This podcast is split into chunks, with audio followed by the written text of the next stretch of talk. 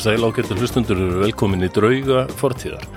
Sem endrannar eru hér Flósið Þorgeirsson og Baldur Ragnarsson og við ætlum að tala um eitthvað rosa spennandi og skemmtilegt og, og það mun hafa mikil áhrif á lífi ykkar.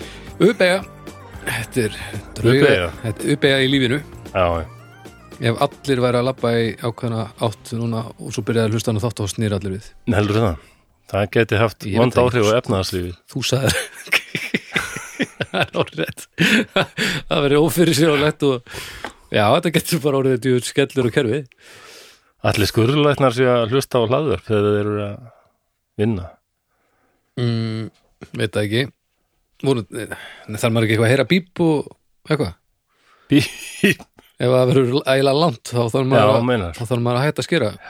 Ég er nú ekki skurlæknir en ég held að þetta sé svona stutta útgáfa. Já, þetta er kannski ekki nóg gott. Læknir, læknir. Já. Það er hérna, hann er að falla í hérna Læknir, halló? Uss, uss, uss Vera er bara rétt komið til listan Já, það gengur líklega ekki. Nei, ég held að sé Ég er ekki viss, en kannski, ég menna Ef ég væri til um skurlæknir þá væri það gott að ég væri með eitthvað að hlusta á. Annars myndi ég að nei, samt, það er svo mikið, örglega svo mikið að gera.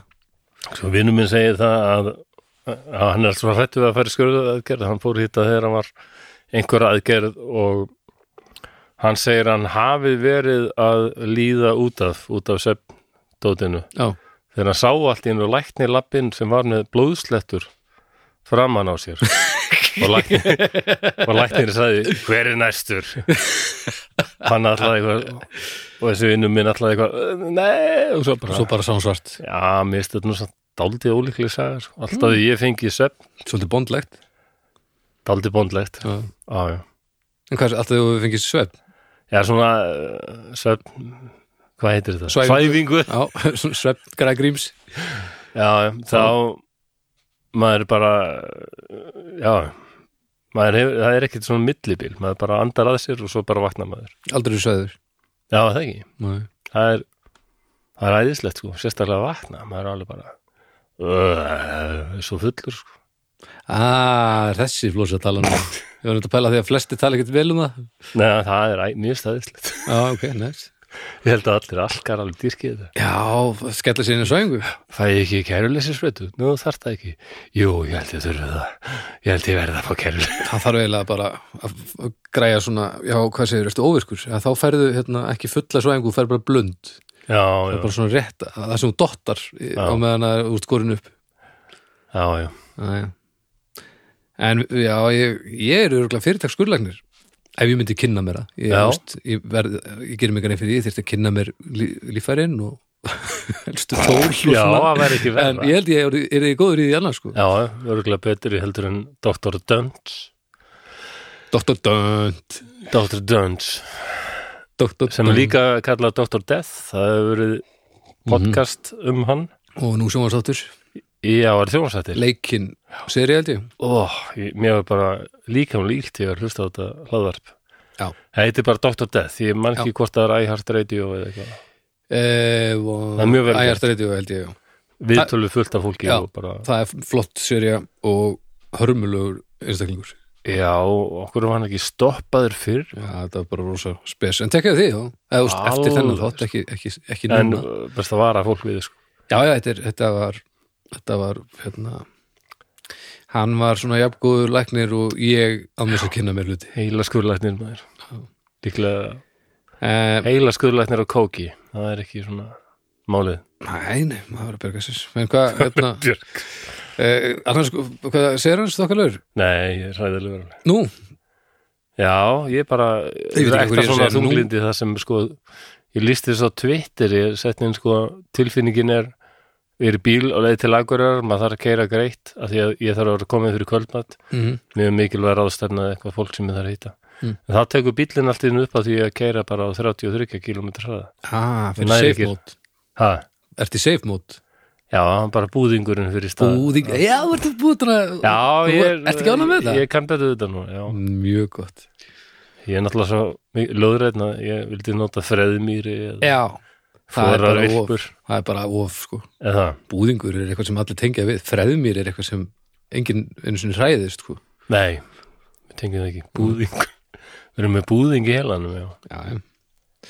Já og bara uh, kemst ekki hraðar. Þótti vilju fara hraðar. Já, já, það er óþólandi Já, það er Já, það að vera alveg sérstaklega líka þegar maður þarf að fara ræður Já, allt sem ég er að gera finnst mér skemmtilegt. Gaman að gera draugana námsveitnið í skólanum skemmtilegt en samt bara 60 tölvun og allar skrifa eitthvað. Það bara heilin virkar ekki. Ég, Það er afleitt, sko. Það er er, erfitt fyrir fólk örugglega að skilja þetta. Af því ég get setið inn og talað um þetta. Já, já, já, það er, það er, já, já, en fólk er svo sem ekki að mér líður ekki þess að fólk þurfa endilega að skilja þetta heldur bara vita af þessu og vonandi viðurkenna þetta, sko, allavega þetta sé þing, sko ég var í tíma og kennarinn minn sagði já ég er náttúrulega hún er ekki að tala um myndið þetta hún bara sagði ég er náttúrulega með svo mikið ADHD sko ég er alltaf hérna Já, alltaf að vera að lesa eitthvað undirbúið eitthvað verkefni þá er ég alltaf sko, ég get ekki koma ykkur aðra hugsanir og ég verð að sinna þeim líka Já. já. það er mér er það eitthvað frískandi að heyra kennara bara að tala um erum við Já. að tala um þetta sko, fólk er óhrættir að vera við að minnast á sína breyskleika. Já, þetta er ekki svona mikið vesen, sko. Og þetta er svona hvort sem fólk viðkennir eða ekki á mjög mörgum viðstöðum, sko. Og hefur alltaf mikið. verið. Og það er bara allt í lagi. Ja, mér líður hann, ég sé ekki að þetta sé svona mikið vandamál ef fólk er að gera sitt besta og tala ekki um að fólk er gott í því sem ég gerir. Þá bara skiptir þetta engum máli. Nei, það getur bara hjálpað öðrum í að- finna sig eða finna út úr hlutum sem að hefur ekki stjórn á. Og Já. það er bara þið besta mál. Það eins og við höfum búið til einhverja normal stereotypu sem allir eiga að meða sig við en mjög fáir Já. verðast eiginlega geta. Eða, það eða það er bara rosalega þögut meiri hluti sem getur líka verið málið skilur því að ef það er ekkert að þá er svo sem engin ástæð til þess að tala mikið um það. Uh, en ég veit það ekki. Ég ætla að setja ekki sem ég hef aldrei setja sem svona mikið eitthvað, ég, ég, ég þekki svo fáa sem finnst það að eitthvað sé að uh, slæmt eða breyti einhverju um mann í grunninn sko. Nei, Þú veist, ok. ég þekki engar sem að fordómar gegn geðsúdómum eða, eða einhverju ég, það hef, hefur bara ekki verið svo lýsið kringum mig og ég held að það sé bara ægileg hefni já, já, við fengið skilabóð frá manni fengið skilabóð frá konu sem sagði hún var svo ánað að því maðurinn hennar er ekkert, veit ekkert hvað þunglindi er og þau er alltaf átt á dærit með að skilja þetta Mm. uh, en hún er með þunglind konan sko Já, en svo hefur hann verið að hlusta mikið okkur og, og hún er fannst hann hafa fengið mikla insinn í þetta og skilja þetta betur. Já, þannig að mér finnst það rosalega gott að heyra eitthvað svona. Já, það er gott að fólk er að líka bara er ekkert að þér þó að sé fullt að þér. Þú veist, ég sé þetta þannig. Nei, það, en þær hugsanir verða líka mjög á, á, ágengar. Það er svo að sé ykkur djöfull að kvísla þú varst svo misefnaður þú ræður ekki við einföldustu hluti sem allt annað venjulegt fólk Já, á einhverjum vandræði með. Sammáliði fyrra og ósammáliði setna þetta, bara, þetta er ekki Já, svona flókið. Bara, já, það getur vel verið, þú ráður ekki við sumt en það er að þér, samt, þú veist. Það kvíslar þunglindist djöfullin sko. hann er vondur. Nei, þú- nei, nei, öfugt held ég að sagt, þú ert ekkert misefnaður en þú, en, þú, þú getur ekki gert eitthvað svona hluti. Þetta er, bara, þetta er ekki svona mikið issue Nei, ok. fólk er bara mismunandi og, og kröfunar frá samfélaginu eru fara mjög misvel í fólk og Já. samfélagi er mein gallað í að nú meira að samfélaginu heldur en nokkrum öðrum mm. þannig að ég, ég bara sé ekki að þetta sé svona mikið vandamál og, þetta, og alls ekki feimnismála því að þetta er einmitt líka eitt af því sem að gefa lífinu gildi að við séum ekki öll eins og getum allavega fucking talað um hlutina á þess að það sé einhver, hú, það er Já. mikið Nú vorum við að taka upp í februar 2022 fyrir hlustendur framtíðar. Já, fyrir, fyrir Það- hérna uh, Picard, ef þú ert að hlusta. Já, þá er enn svolítið til land.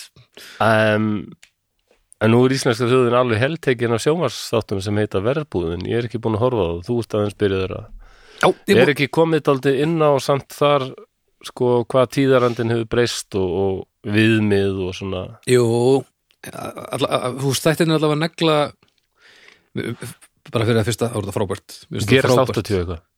Það gerist á svolítið löngu tímabili sko. Nú er það, stekkur alveg svolítið í tíma uh, og mér finnst tíminn uh, sérst, uh, ná tíðarandanum í hvert skipti mjög vel og Já. svona, svona passlega lítið íkt en samt þannig að maður, þetta er rosalega afgerandi mér, mér finnst það frábælega gert bara það sem komið fram mér finnst Já. æðislega þetta og sá sem, sá sem tekur viðskotin af borginni já, og eitthvað og rammar það inn þannig að, að, að þau lít út fyrir að vera venjulega viðskot en það er samt sneikað fram hjá öllu sem ætti ekki við Já. þennan tíma. Bara fimma til þín þarna úti sem, sem location skátunin og bara, þetta er ógeðslega skemmtilegt. Já, ég, fólk að grenni einhverju smá hlutur skipta engum máli, þetta er bara frábært. Já, ég, ég er svona bara alltaf að vera svali í slítingur sem ég er ekkert búin að horfa á þetta sko. já, já, Nenni ekki að horfa á þetta. En þetta er Ég hérna, er svo ég horf ekki á handbóltalansleiki en það, jú, það- já, það er einn af þeim náttúrulega. En þetta er, þetta er jú, mjög mikið svona uh, drikkjumenningin og, og hérna, jú, þetta sýnir mjög Já, vel ég hvernig þetta var. já, en það er svo sem Ég vona það, sko, það verður að vera. Já, já, það, það er. Finnst það, um, þættirnir Mad Men, mér finnst þeir mjög góður Já. þeir fíndur svo vel munin einhvern veginn breytinguna og bara, það sýndu hvernig það var já, hvernig það var. Já, af því að svo verður þú að fylla í eðuna með munin Já, er, já, og ef þú ert á sama stað og þessir drullar voru í gamla daga þá er þetta í rauninni bara eins og heimildamind ég er nú gamall, sko. Já, það er bara tíu dagar eitthvað, ég, ég verði 54 ára gamall, oh my god. það er rosalegt. Og það var ekki allt betri í gamla daga bara í alvöru talað sko. það er miklu betra já. þetta verður alltaf verið svona ég 54, menn ekki þessum anskotans þessum raukstuðningi, þetta hefur bara alltaf verið svona í gamla daga var nú ekki bla bla bla, þá bara Já. krakkar máttu nú bara meða sig og vera úti og leika sér og bara, og hvað, æ, þegiði var ekkert allt betri ég hef enga þólmaði fyrir þessu. Krakkar mega bara vera inni í tölvunni þau eru að læra heilmikið þar, í tölvunni líka. Já, og spurðu kambeðlu hvort alltaf hefur verið betri í gamla daga Ákvörðu að því hún er útdauð Nú, já, kamp eðla er þarna einhver svona sárus já, Ná, já, já, já. hver er kamp eðla? Ka Bara Kambusaurus sem með þarna þessar, Æ, hann er með halan og hérna já, þetta þessar, þessar þrýrninga þarna á bakinu þarna. Já, Já, þangað til mér að tók- annað kemur í ljós allavega ég, er- ég er jafn mikið rissaðilu fræðingur og ég er, ég er Já. skurlækni sko Ég var nefnt að sjá Heilaskurður. hérna ég, ég er í grúp á Facebook sem hérna, heitir bara The Far Side sko, og þar Já. er fólk að posta svona Gary Larsson. Já, já, það er fullt sem ég ekki séð áður. Já hann er náttúrulega svolítið komið að nýju. Það er til dæmis þrjár risaðlur og tvær er að hlæja að einhver lítilli einhver litlum svona brottgelti sem er að hlaupa framhjá. Já, hlæja hann nefn en þriðja risaðlan svona líta upp og sér að það byrjar að snjóa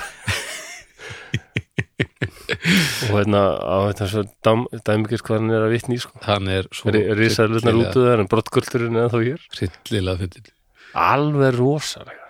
Herðu, var hérna svolítið að fara já, við gang? byrjaði það, já, hljóðkirkjan já. Hljóðkirkjan, hún er í gangi núna. uh, Akkurat núna er, uh, erum við með fjóra þætti uh, í hérna viku. Já, Það hérna, Dómstafur hefur tekið sér smá frí og það er synd því að þar var þáttur kvenna þóldi atkvæða mikill Já, en pása er nú annað heldur en, heldur en búið sko. já, já, Það er bara þegar að ég, ég er allavega mjög fylgjandi því að við gerum frekar hlutina vel þegar við getum gert á heldur en þegar við getum næstu í gert á Þannig nei, að nákvæmlega. þá er miklu betra að, að taka bara pásu. Já, en þetta er allavega uh, við á miðgutum svo snæpi tala við fólk á, á fyndum mm besta platan á föstum og svo er það listamenn á lögðum já fjórið þetta Já, fjóri þetta núna og þið getið tjekkað þessu á öllum veitum bara þessum helstu. Mm -hmm. um, svo eru það styrtaraðalinir og samstarfsaðalinir það er nú fyrst, fyrst að bera að, nefna Borg Brukhús já, að sjálfsög og það er ófengi bríó sem við erum að tala mikið um og sjálfsög lóðastóla Larry. Sem seldist upp Jú, og sko, hann hefur farið svona tjúfull vel hún í mannskapin það? Já, það er allavega, það er hömsturinn í gangi svo ég, já, fólk er búið að að hamstra það veit hefilegt og gott, þá já er fólk veit að að þetta hann er hann þá er verður annarkost ekki eitthvað gott í, gott í þessu Já. eða heimsendir er að koma. Hann er ekki komin til að vera nefnilega. Nei, hann er ekki komið til að vera. Hann er bara, þetta er stutt heimsókn sko. þannig að það er, það er gaman að það hefur tekið svona vel í hann. Já, það er frábært. Og ég fór í bústæðum helgina.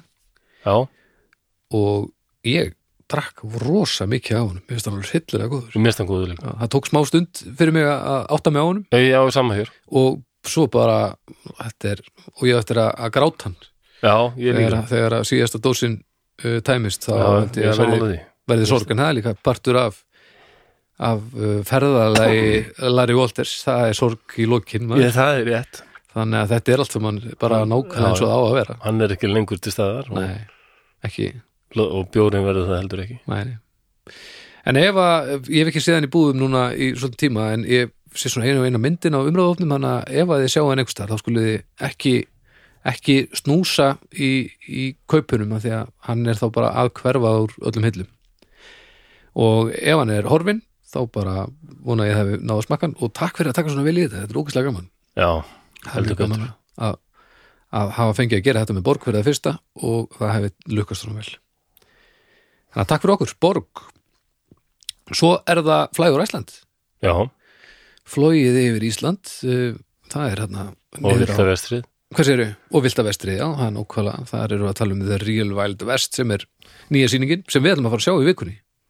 Já, við þurfum að gera það. Við verðum að gera það, ég minn, þú ert að tala um þetta fallegasta svæði heimi. Já, ég veit að ég verði alveg brjálaði samt að bara, mér langar að fara þarna aftur sko. Já, við, við drýjum okkur í vikunni og, og hérna, við komum með fregnir að því þá í næsta þetti hvernig hérna svo sýning er. Það er eins og að vera bara einhverju Star Wars plánetu þarna stundum. Það sem það er bara allt raukt bara, moldin er öll rauð. Já, er, er þetta bara, er klettarnir allir rauðir þetta ekki bara rið? ha, Er þetta ekki bara rið? ég allir ekki, ég veit ekki. Er? Þetta? Já, en það verður ógæslega gaman að sjá þetta og hvernig þú ert eftir að fíla líka þetta flug. Já, já, er En hérna, það er það er það er tilbúð frá Flyover Æsland núna 7. til 21. feb þá það er er fyrir hérna, börnin hvað séru? Nei, það er nefnilega aukalega sko, það sem að börnin fljúa fritt, það er alveg út mars sko. já, um, við erum að tala um uh, ísrúndin það sem þú getur fengið sagt, í, í þennan takmarkaða tíma getur þú fengið ísrúnds meða sem er sem sagt innifælinn í því er miði í Flyover á annarkvort uh, Flyover Æsland eða Wild West og svo stór ísrettur hjá Omnum og þetta er sem sagt Já. eitthvað sem þau, sem þau hafa gert áður og þetta er sagt á upprunalega verðinu sem er 5.000 kall og þetta er tilvalið núna fyrir, fyrir tvo yfirvofandi daga það er náttúrulega 14. februar sem er valentínsdagurinn Ó. sem að margir hafa verið að nýta sér í, í hérna allskyns uh, ástar allot já, af ýmsu tægi já, já og svo er það svolítið 20. februar sem það er konudagurinn það er konut og uh, þið getið sem sé bóka þarna flug og, og ísveslu í einu og já, 5.000 krónur, þetta náttúrulega er bara eins og eins og blómöndur eða frekar Já. lélur konfettkassi þannig að þetta er alveg Já, snild pizza fyrir þrjá eða eitthvað. Já, pizza fyrir þrjá, það er nú Já, já, tvo bara, þetta er, já, þetta er ekki svo mikil peningur. þetta er, þið getið hérna stokkið til og náða þessu tilbúði Þetta uh, gildi núna til á 21. feb ekki býða of lengi með það. Og svo er það rocksafnið já, já, ok, Já, já, það er Reykjanes bænum, rocksafn Íslands.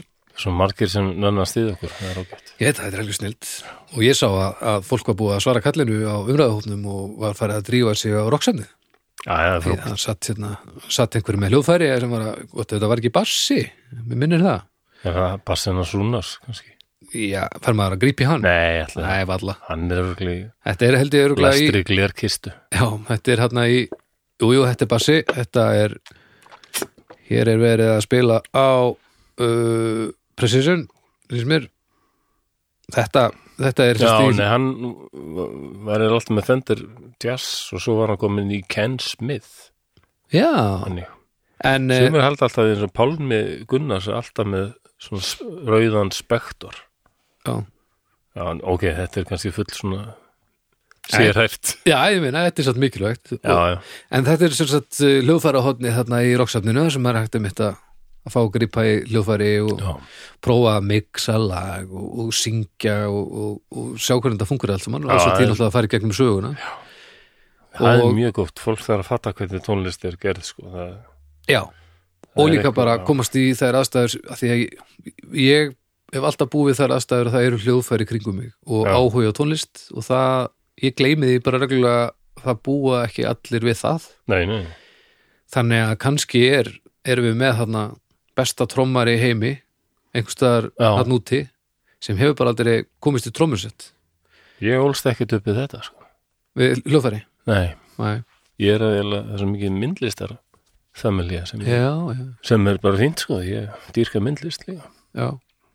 Maður fyrir það þegar maður er fluttur á eirarbarka og býr í einhverju stóru draugahúsi bara og heyrir ekkert annað en niðin í sjónum og þá bara er maður að mála einhverja trillt, trillt verk Já, þetta er bara original flósi freðmýri uh, málverk. Má ég, þú verður að mála eitt fyrir mig svo ég verið ríkur? Já, já, sjálfsagt. Eða, ég, þannig ég geti allavega erft stelpunar já, þannig að þær hafi eitthvað eftir að maður er döður þá verður þetta örugglega alveg bara já, ég meina það sko. Já, já, sem er því þá er ég svolítið eftir. Og En, svo drefst ég og þá selja þær já, og, og búa helviti vel að því að ég er ekkert vissum að ég fá mikið fyrir kannski hlaðarfsarleið föðu síns. Nei. Þannig að en freðmýrin maður veit ekkit. Veit ekkit hvað verður. Það er, já, já. En já, það væri, hefur haft gott að því að komast á þetta samt til dæmis, hefur hvað það ef þú hefur komist hvað það sa ef þú komist á rocksafni sem, sem krakki og komist í öll þessi hljóðfæri komandi úr myndlist já, jú, algjörlega hefur ég held þetta að það hefur haft mikil áhrif. Já, að, hvenar serðu að mér finnst það oft hafa vantað hérna á Íslandi með þetta svefn síðu tóltið stíluð á börn. Mér finnst það versta er til dæmis að við eigum ekkit flott náttúrugreipa mm, það finnst mér bara nánast skandal Ísl, landi sem státar af því að vera svo mikið náttúru elskandi og náttúru vernd og, og bara óspillu náttúru að við þurfum að en það er nú svolítið í perlunni hérna jú, jú, það er eitthvað sko en mér finnst að þetta ætti að vera bara alveg rosalega fullkomið og flott já, satt með hérna já, eitthvað sem allir bara hafa æsku minninga frá að hafa farið í skólaferðir sko. Já, já, já, já, við skilja og séð beinagrindir á kvölum og allt svona. Bara lifandi í perluna. Já. ekkert rugl.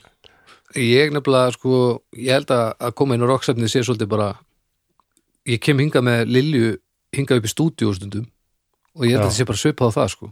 Já, að bara fá að leika lausum hala og fykta og Já. prófa hljóðfærin og sjá hvað þetta gerir og... Jú, gerum hún það hér hérna, já, við, við komum hérna reglulega hún er er hún að hamra á pí, hljómborðið. píanóði heillar, trommurnar eru skemmtilegar. Já, þetta er allt skemmtilegt sko. Svo endar, endar þetta sem dansæfing hérna síðast sem, Nú, ok, já, trommurnar hafa alltaf mikið aðdraftaröfl, ég man eftir því það, það, eru, það eru skemmtilega sko. En píanóði verðist svona heilla hvað mest og, og, Ok, en ef maður fær ekki að fykta, ef maður fær ekki að prófa þá er erfitt að koma að staði hvort mann er líka eitthvað sko. Og það búi ekki allir svo vel að hafa stúdíu aðstöðu til þess að bjóða eh, krökkum upp á að prófa að gera hluti. Þannig Nei, nei, að já, þá erum að gera að drífa sig á rocksafnið, fykta, skoða og sjá hvort að maður finnir sig ekki í þessu. Já, söfnur er farin að vera meira svona interaktiv, það er alveg frábært. Og hlusta á tónlist muna að hlusta mikið á Já. tónlist með krökkurum ykkar af því þau hafa ægilega skoðanir á þessu. Já. og þó, já, þið þurfi ekki að hafa skoðanir þau, það er skoðanir, það er myndast að sjálfur sér. Alveg Eða ekki, já, það. Uh, eitthvað fleira, Flósi? Nei, Uh, herru, jú, eitt sem ég langaði til að minnast á. Nei, uh, jú, eldsnögt. Það held ég ekki. ég hlustaði á fyrsta þáttin sem hann þráin minn í já, skálmarkeri, ég, já, ég var bara Gítar Grams sem hann er að gera fyrir Rúf sá Óli Palli hérna var að segja á Facebook að já, ég, ég vissi ekki eins og um þetta. Þess þráin, nei, sko, ég hef ekki ummynd finnir ég svo þetta bara poppa Já, það, Já, ég.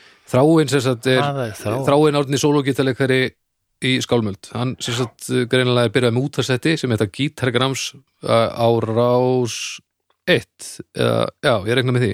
Já, ok, og hann er bara að fara í gegnum bara gítarinn, bara skoða gítarinn fyrir Já. mögulegum sjónurinn, fyrsti þátturinn var sagt um breytinguna þegar að, þegar að stálstrengja gítarar urðu almennisegn og, og þegar að ramarskítarinn kemur í, Mm. í, í ljós og svona. Þetta var, hann er að stekla á mjög stóru hann er náttúrulega hann er náttúrulega hopeless gítarlúði alveg. Náttúrulega eitt besti gítarleikar sem ég hef kynst á æfinni, ef Já, ekki svo besti hann er eitt svo allra besti á landinu sko. stórkostlega rödd og mikið lúð í þessu en hann er svo notalegur. Þannig að hlustið á gítargrams. Þetta er alveg gríðalega velgerst í honum. Þetta komir ægilega skemmtilega orð, ég sá þetta bara allt í hennu og auðvitað er þetta frábært eins og flest sem hann gerir. Þannig að tekja á gítargramsinu.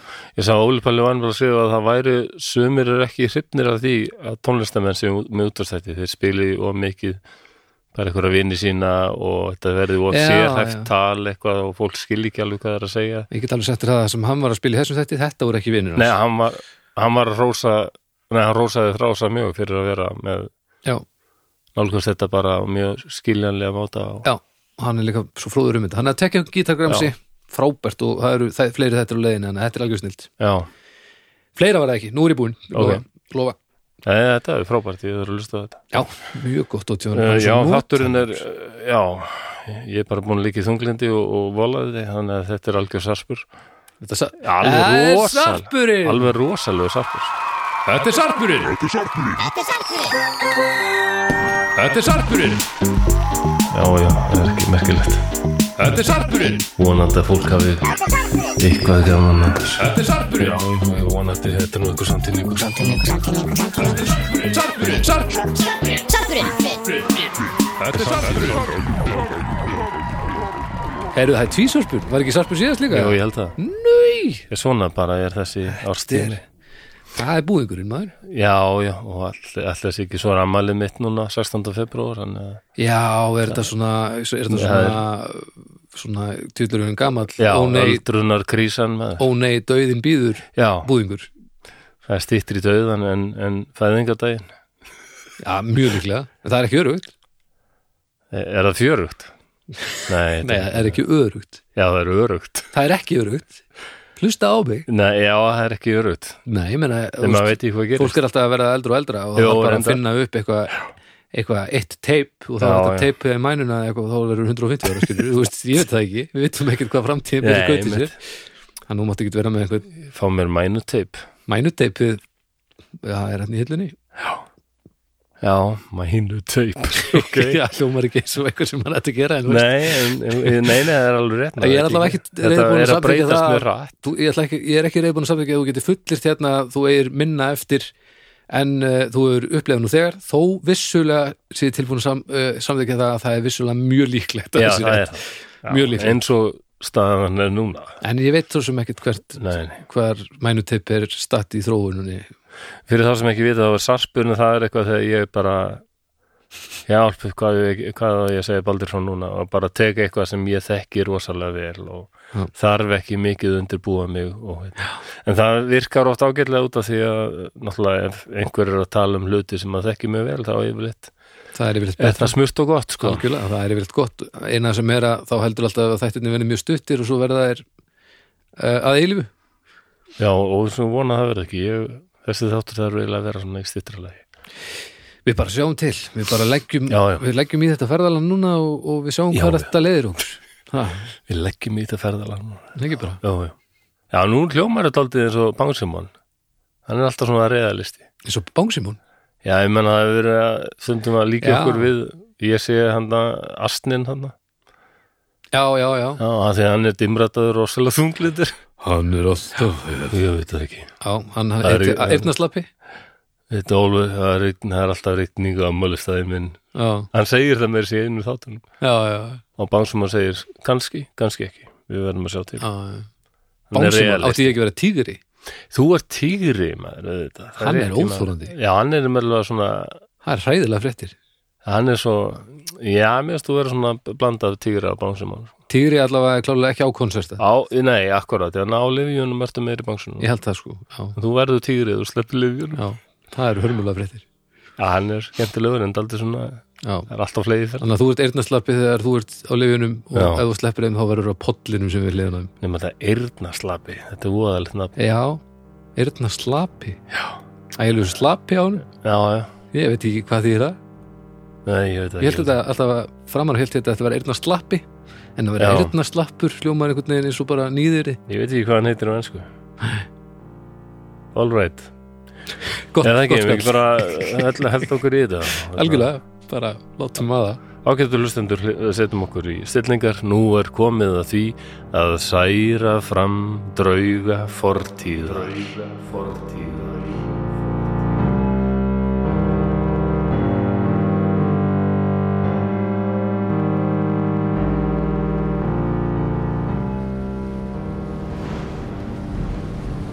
7. mæði 1976 við fengum nýlega skilabóð frá London.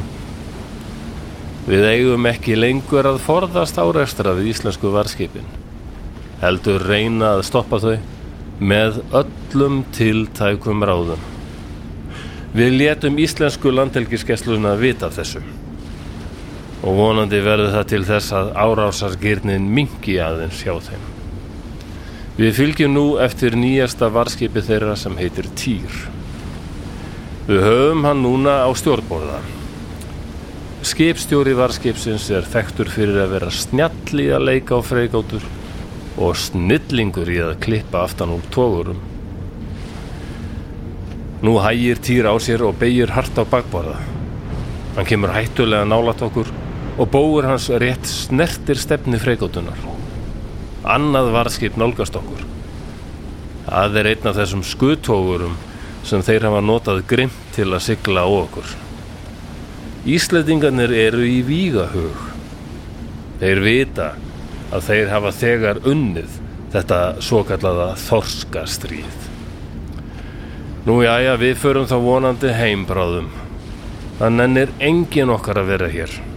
Í skelvilegu veðri og kulda upp á hvert einasta dag. Til þess að passa upp á einhverja riðdalla frá Grimsby. Þetta er algjörlega fáránlegt. Við siglum einum fullkonmustu herskipum jarðar. En megum ekki nota neina af þeim tólum sem við höfum í þessari baróttu. Við megum ekki trubla útsendingar varskipana, því þau eru einnig björgunarskip. Við megum auðvitað alls ekki skjóta eða sprauta vatni, því Ísland er nöðsynlegur bandamaður í NATO. Þetta er eiginlega alveg vonlust. Nú dregur til tíðunda. Týr nálgast tógar á fullri ferð. Klippurnar eru komnar í sjóin. Við höfum gefið þeim þrjár aðvaranir en þeir hlýð ekki. Skyndilega gefur skipherra okkar skipunum að beigja skart til hægri. Ég bendi honum á að þá munum við sigla af öllu afliðin í síðu varskipsins. En nei, hann endur tekur skipunina. Freikáttan beigir og stefnir á um 23 hnúta hraða beint á litla varskipið. Í kallkerfinu kemur rödd sem segir öllum að búa sig undir árekstur. Þetta gæti endað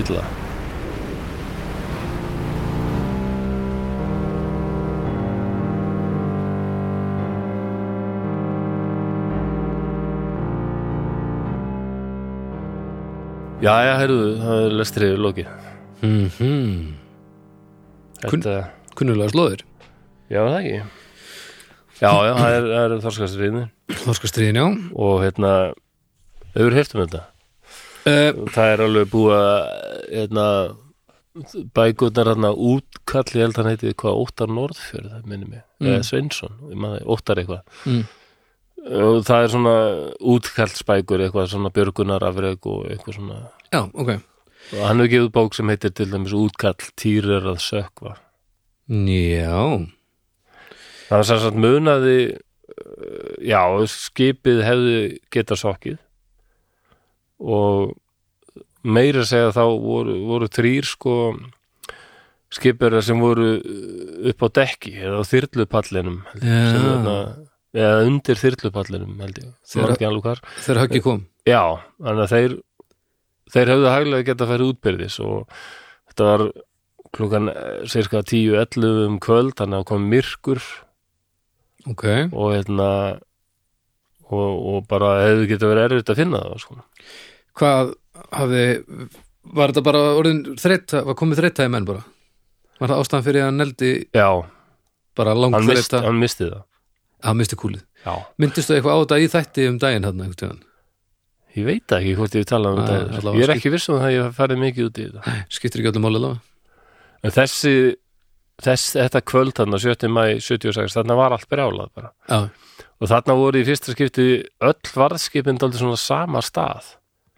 Það var bara einn allsherrar orusta uh, fullt af tógurum og nokkrar freikóttur og Íslendingarnir vissu að þetta var búið sko. Breyta nefntir ekki lengur Já, og hérna en það var ekki svona að loka hérna út af því Baldur, við nú erum þáttum varðskipið Baldur. Og jú, nafni með bara vinsalisti þáttum okkar. Já, um, pólska stríðsetjan frá Dalvík heitir hann sem er alltaf líka besta nafni á þætti bara í já. eftir ekki eðlu titill. Og hérna Baldur náttúrulega hafði daldið breytt þessu alveg, hann var búin að stór skemma tvær freigótur Já, með kvassa rumpinum. Já, já, og eftir það, eftir að hann komið til söguna þá var bara freigótnum bannað að fara í návi við íslensk varskip sko, bara, þetta er óhættulegt sko. Já, já, en þarna voruð þið búin að, nei ok bara með öllum tiltækum ráðum Mm. og allt sem ég las upp hann í byrjun, þetta er daldið mikið bara beint úr breskum skjölum, lýsingar á, á þessu sko. Ok til dæmis fyrir þeim var týr bara sína mjög ógnandi hegðun hann var að beigja í áttina þeim og svona sko mm. og varskipum voru með árásugjöld eins og þegar maður les lýsingar íslitingana og hann náttúrulega alltaf hinn veginn Já, sko. við vorum bara eitthvað Já, Dor við Dorga bara, já, já, bara reyna að stoppa þess að tógar og, og yfirgangur freikáttunana og svona Já, Nú er ég ekkert að gera lítið úr því sem hvor segir, ég bara benda á að sjónarhóttnið er svo misjæmt. Sko. Þetta er alltaf það er útrúlegt að ætlaði að einhvern tíma komið upp svo staða að, að skrásetning tveggja svona fylkinga að skrásetning hins liðsins hafi látið óvinnin líta betur út á báða bóða sko. Já, mennar. að, að, að óvinnurinn fegri þinn hlut og þú fegrir þeirra hlut óvart. Heldur það Ég- hafi einhvern tíma gerst Það ég, nei, ég, maður er alltaf einhvern veginn að bara sko. að best að ég, ég var í rauninni miklu betri en ég var þetta er alltaf þannig stemmari sko. það er, er eitt atviki í þórskastiriðunum þar sem uh, dráttarbátur Mm. siglir á varskip og, og, í, og í skýrslu sko freikátu, það var freikáta nálat sem fylgdist með þessu mm.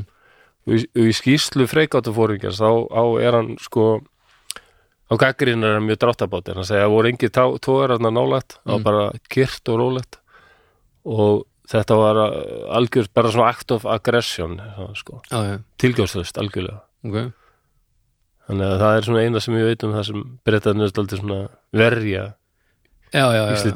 já, þetta var óþari já, þetta var óþarfi. Já, og dráttabátandir voru mjög það er eitt dráttabátur sem kemur við sögu hérna sko. ok. en þeir voru ídrendir af því það var, það var svona ein, einn af dráttabátaskistjörunum sem var á Lloydsman sem var rosalegt 2000 Lloyd. tonna flikki já, já, og dráttabátar eru sko sterkbyggðir. Þannig að þetta er þeir voru hættulegir sko. Já, um, hann var mjög aggressífur sko. þeir höfðu margir verið líka í stríðinu svona silt hérna, hann til dæmis ég man ekki hvað hann hét, já, hann var á Lloydsman til dæmis og hann hafði silt í stríðinu og var mjög aggressífur sko. Bara, ég held að þetta er svolítið erfitt að trappa sér niður í, í bara svona einhver svona smá sjóstimpingar já, úr hardcore bara styrj, styrjöld sko. og þeir voru meiri svona málaliðar, þeir voru ekki eins og breski sjóðurinn sem mm. var alltaf með svona rules of engagement sem allir þurfti að fylgja eftir sko Æ, en þeir voru meira svona sjóræningja típur einhverjar Ah. og það var alls ekki svona það voru margir sko sjómenn eða sko þeir sem voru á svona dráttabótum það voru margir hérna frá Portugal og Spáni og svona þetta var svona já, bara svona kyns. ævintýra mennska í blandið vinnu í blandið hernað já, þeir áttu að vera til að verja tóðarana sko já, þeir voru eiginlega náttúrulega svona paramilitari svona, svona, svona leigulið. En að þarna, þarna voru mörg varskip í þessu AT og um, íslensku varskipi Týr, þetta er líka langað með að minnast á þetta því að Týr Mm. leta störfum bara núna fyrir nokkur mánuðum. Já, eftir sko já, hann kemur hérna 75 já, og er bara búin að vera og hefur gert alveg ég var svona smá bara svona stjörnuð stjarfur eða starströkk, ég kom fyrst um borðið í tí já, Eh, mér var þetta bara svo frækt skip sko. það, sá klipputnar hann var bara Já, ég, Já. það er fallegt ég er ekki sem ég hefði orðið að þó ég hefði úst, ég, ekki gagvart, nei, það vantar bara svolítið í mig já, já, ég kannski upplýði það meira og hérna, Guðmundur Kennesteð sem var skipherra tí, hann var, var líka svo rosaleg þjóðhetja sko. Já, já, og það voru framleitir ból með mynd á honum sko. Ha? já, já, Nei, ég var svona teiknaður í mynd sko, og, hérna, peysur mér að prjónaður hann, hann var alvöru bara hvað er það til? alvöru, það, það er náttúrulega Er það selst upp? En, ég, já, það verið gaman að vita hvort það sé eitthvað til en þá af þeim já, sko. einhver á ég þekki yngar sem á þetta ef einhver á svona bóli eða eitthvað, please Já, myndin á umræðhópin já, já, já. Þetta væri algjör snill þeir eru rosa þjóðþeitur sko, íslensku skipiröðinni sko. Já, og þeir voru í, oft í svona smá samkeppni sín á milli. Ég hef þetta alveg eftir e, hvernig samkeppni? Bara fræðarkeppni já, já, flottasti bólurinn bara? Já, já. Ég, ég hef þetta, ég hef þetta eftir vinnum mínum og þresti Sýtriksinni sem var skipar á ægi. Ok, hann saði bara já og mér svo tók viðtalið hann sagði þetta var alveg er heyrðu kannski að því að að einhver hefði verið að klippa sko, þá bara var einn einhver annar skipir sem bara hanskotin, þá erum við að fara út. Ég ætla að gera minni maður það var, já. Nú, það var svona, já, já, það var aðtorka í þeim. Að, að þröstuður Sittriks sem var alveg uh, hann var alltaf öðruvísi kafteinn, hann var alveg frábær. Hann ringt, ég manna hann sko ég og Guðni voru vorum með eitthvað fyrirlestar 2016 já, og, og þröstu var þar mættur sko ok ég mér er aldrei gaman að hitta hann ég, hann er aldrei svona, hann var aldrei Legend Já, já. já, já. Ég fann það líka meðal landhelgisgæslunar var hann aldrei, þeir voru margir sko, hann var alveg eiginlega einn af þeim bestu sko. Ok. okay. þegar hann var, hann var ekki aggressífur ólíkt hörsköldi sem var á Baldri sem, bara- ok hann var svona, Já, já, já, svona slagur og rólegur og lúmskur en hann klifti nefnilega á svo marga tógara sko. ok, og einna, einna einn ein, kunningi minn sem, sem einna, var stýrimaður hjá þresti mm, þess að hann hann sildi kannski bara að tógurum mm. gerði ekki neitt. Já, bara, bara Já. andlegt stríð. Var bara þarna og þeir náttúrulega dróu upp veðarfærin já, og svo byður eftir að hann færi og hann fór ekki neitt. Hann bara var þarna ló, lónaði þarna bara eitthvað og þeir voru bara Liggur ekkert á já, svo, svo bara gerði hann að stað og þeir byrja að veiða aftur. Og Mm. kemur hann aftur. Já, já, bara og hérna, þess að breytarnir tala um hann sko, þarna, ein, það var eitt freikáttu kraftur sem sagði þess, þess, þessi gaur er aldrei öðru sinni hinn sko, og ég, ég kann að meta hann sko, þetta eru mjög rólegar aðfærir en það er virka svakalega. Já, já, og, hérna, og svo náðu hann oft að, að klippa það sko. já, já.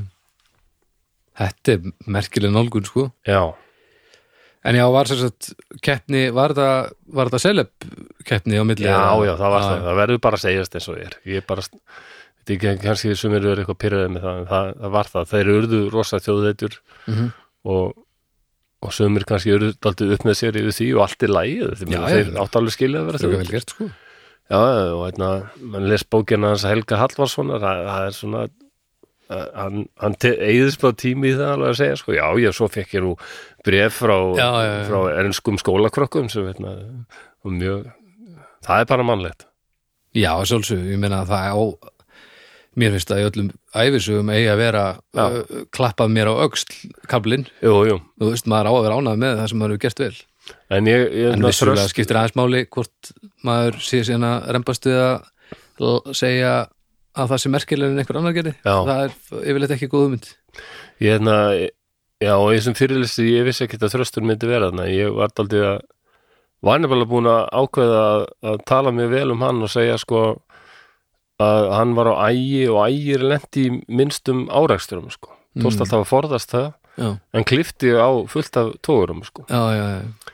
Og hérna, ég nefnd, nefndi alveg hvað hann hefði klift af mörgum tógurum, en svo bara var hringt hann í mig kallinn Já. og orðin átt á áttræðis aldrus Ok. sagði bara, ég vildi nú ekki segja þarna, ég held þú hefur hérna það vantaði tvær klippingar já, vel gert en svo byrðum mér í kaffi og svona, það bara, það var alveg það var frábær maður, sko. Hann er dá, dó fyrir fáum árum síðan, sko já, já. en já, já, hann sagði þetta hefði verið alveg svona smá keppni, sko Sérstaklega sem hann nefndi ekki alveg að taka þátt í segir hann allavega. En ég, eins og segir, þetta er náttúrulega bara svo mannlegt að mér finnst það, það, er, það er bara mjög eðlilegt og, og, og já, svona rökrætt framvinda. Já, ég held að. En hann var engin peysa frá honum eða bólur eða hann var, hann var ekki alveg sama hetjan og kannski með guðmundur kennist þegar var alveg aðalgöðinu hann hann var bólaefni. Já, já, hann var á, var á hérna nýjasta og flottasta varskipinu tí já, já, já, já, já, Já, það ber allir honum mjög vel söguna. Góð, góður stjórnandi, sko.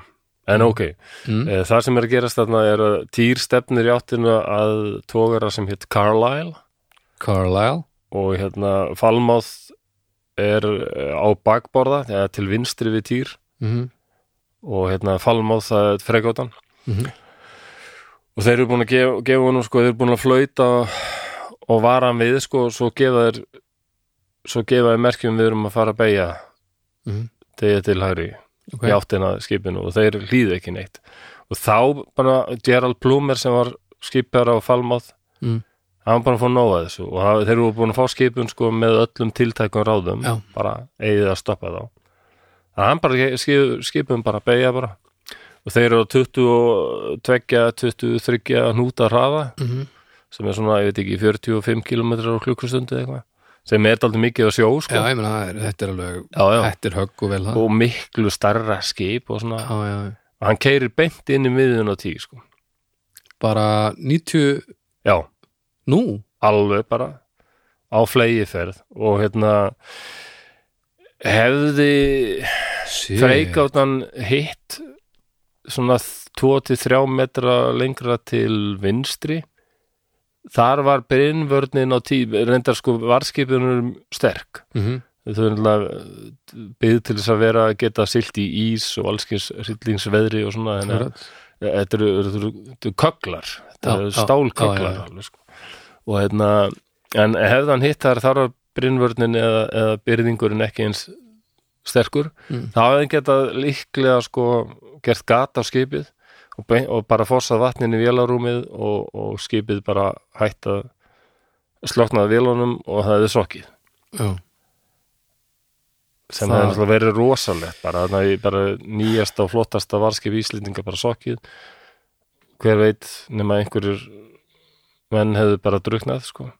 já ef þetta er um nótt það er rosalegt.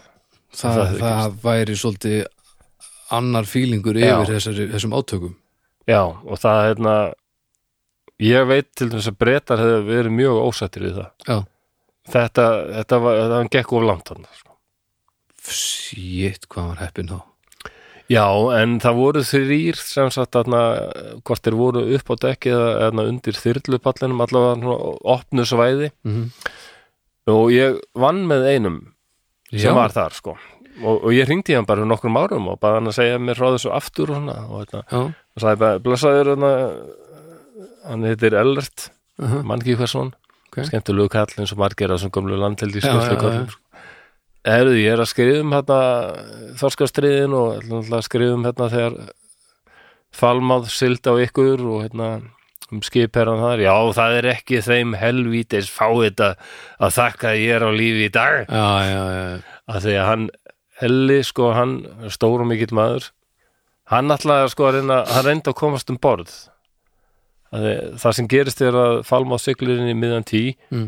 og týrs hann fer alveg 90 gráður á hliðina. Leggst alveg á hliðina? Já, og þeir fara allir á, þeir ná að eins og Elli sagði, hann bara náði að grípa um eitthvað Já, og svo fer hann bara á kaf og hann er bara á kafi sko, heldur í sandanum og bara veit ekki hvað er að gerast. Er ekki sípið að sökva eh, verði ég bara að sleppa og reyna að synda upp á yfirborðið eða hvað gerist?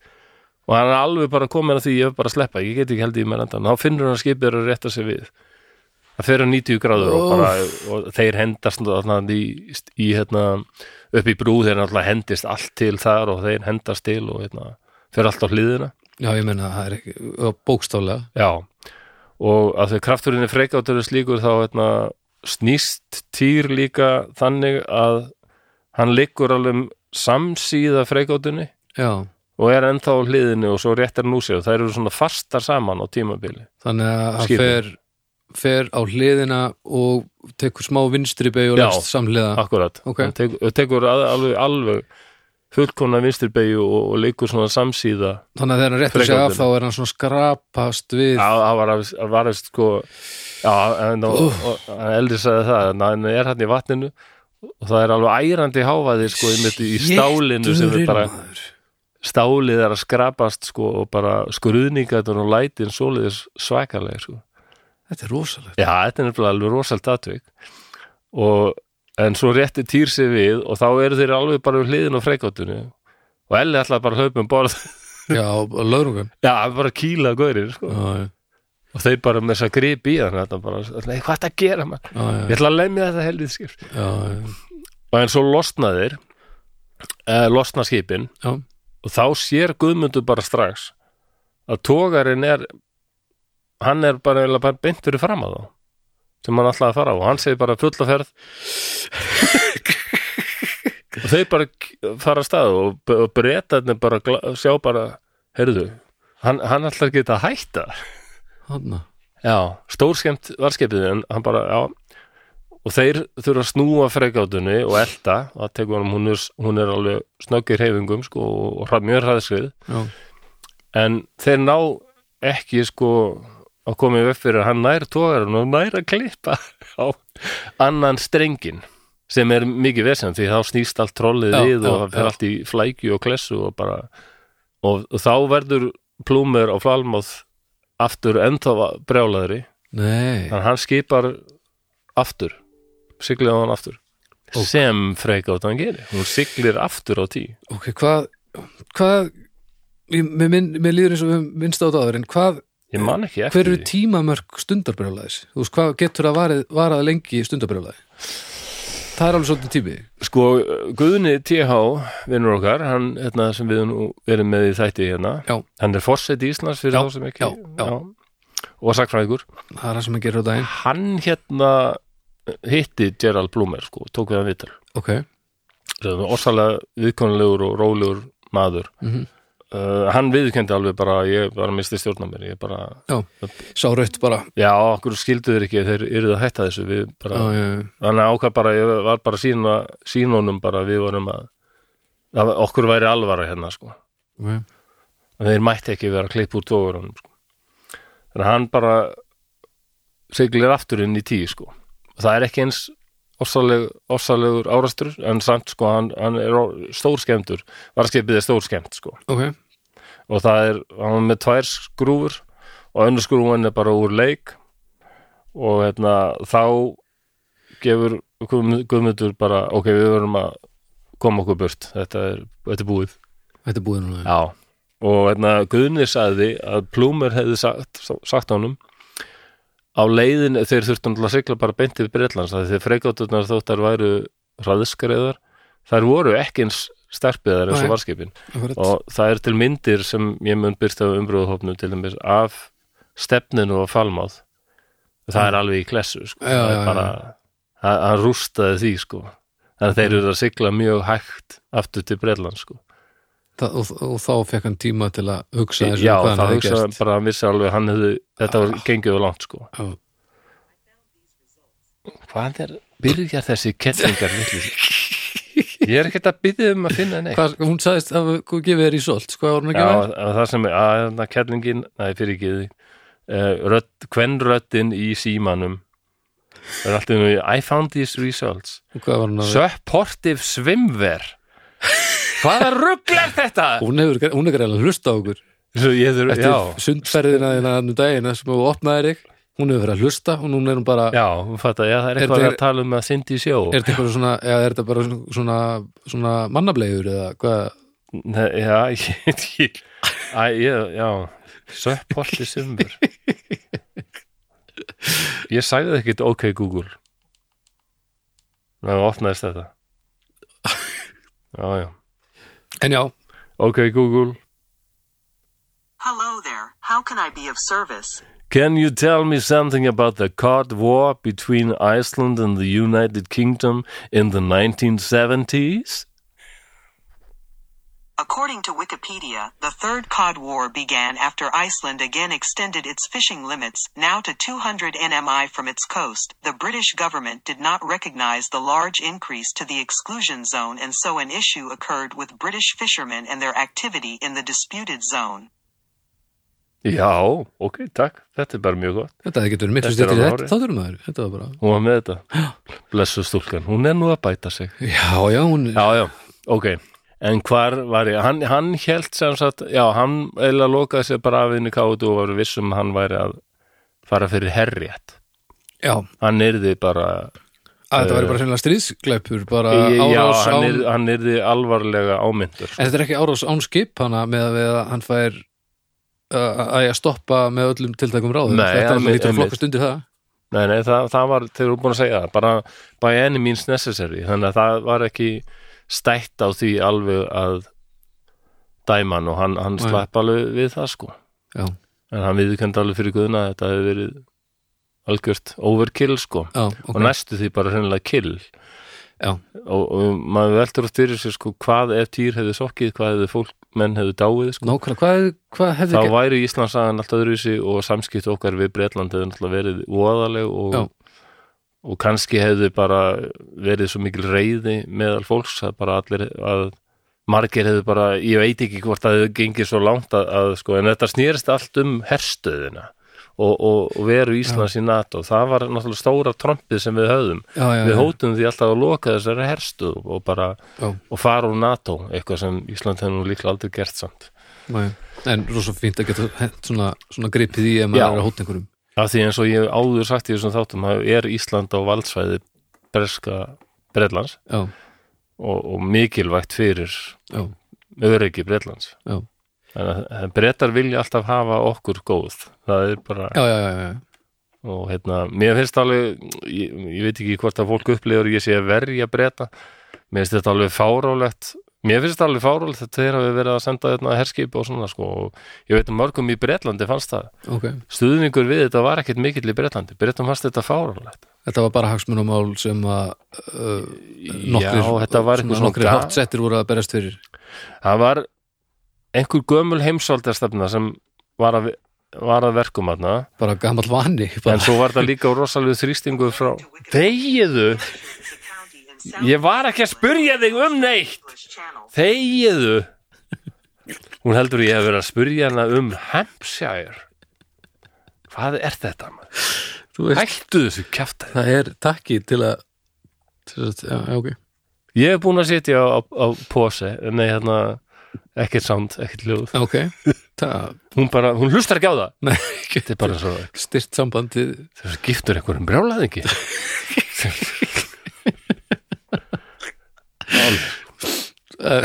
Ha, pæltið maður ætti svona maka sem er bara hérna. Maður er bara að borða saman og allan. Það stendur hérna á Wikipedia bla bla bla bla bla bla bla bla bla. Guðni, guður Já, það er dreitandi. Já, En það bara svo það komið fram þá ert þú stundum svolítið þannig? Já, ég hef heyrt þetta áður. Já, Þannig að ég Ég myndi hef nú heyrt þetta áður. ég nú fara rólega að drulli yfir drulli yfir vinkonu þína. Já, já, já, já. En já, hvað, varst að segja?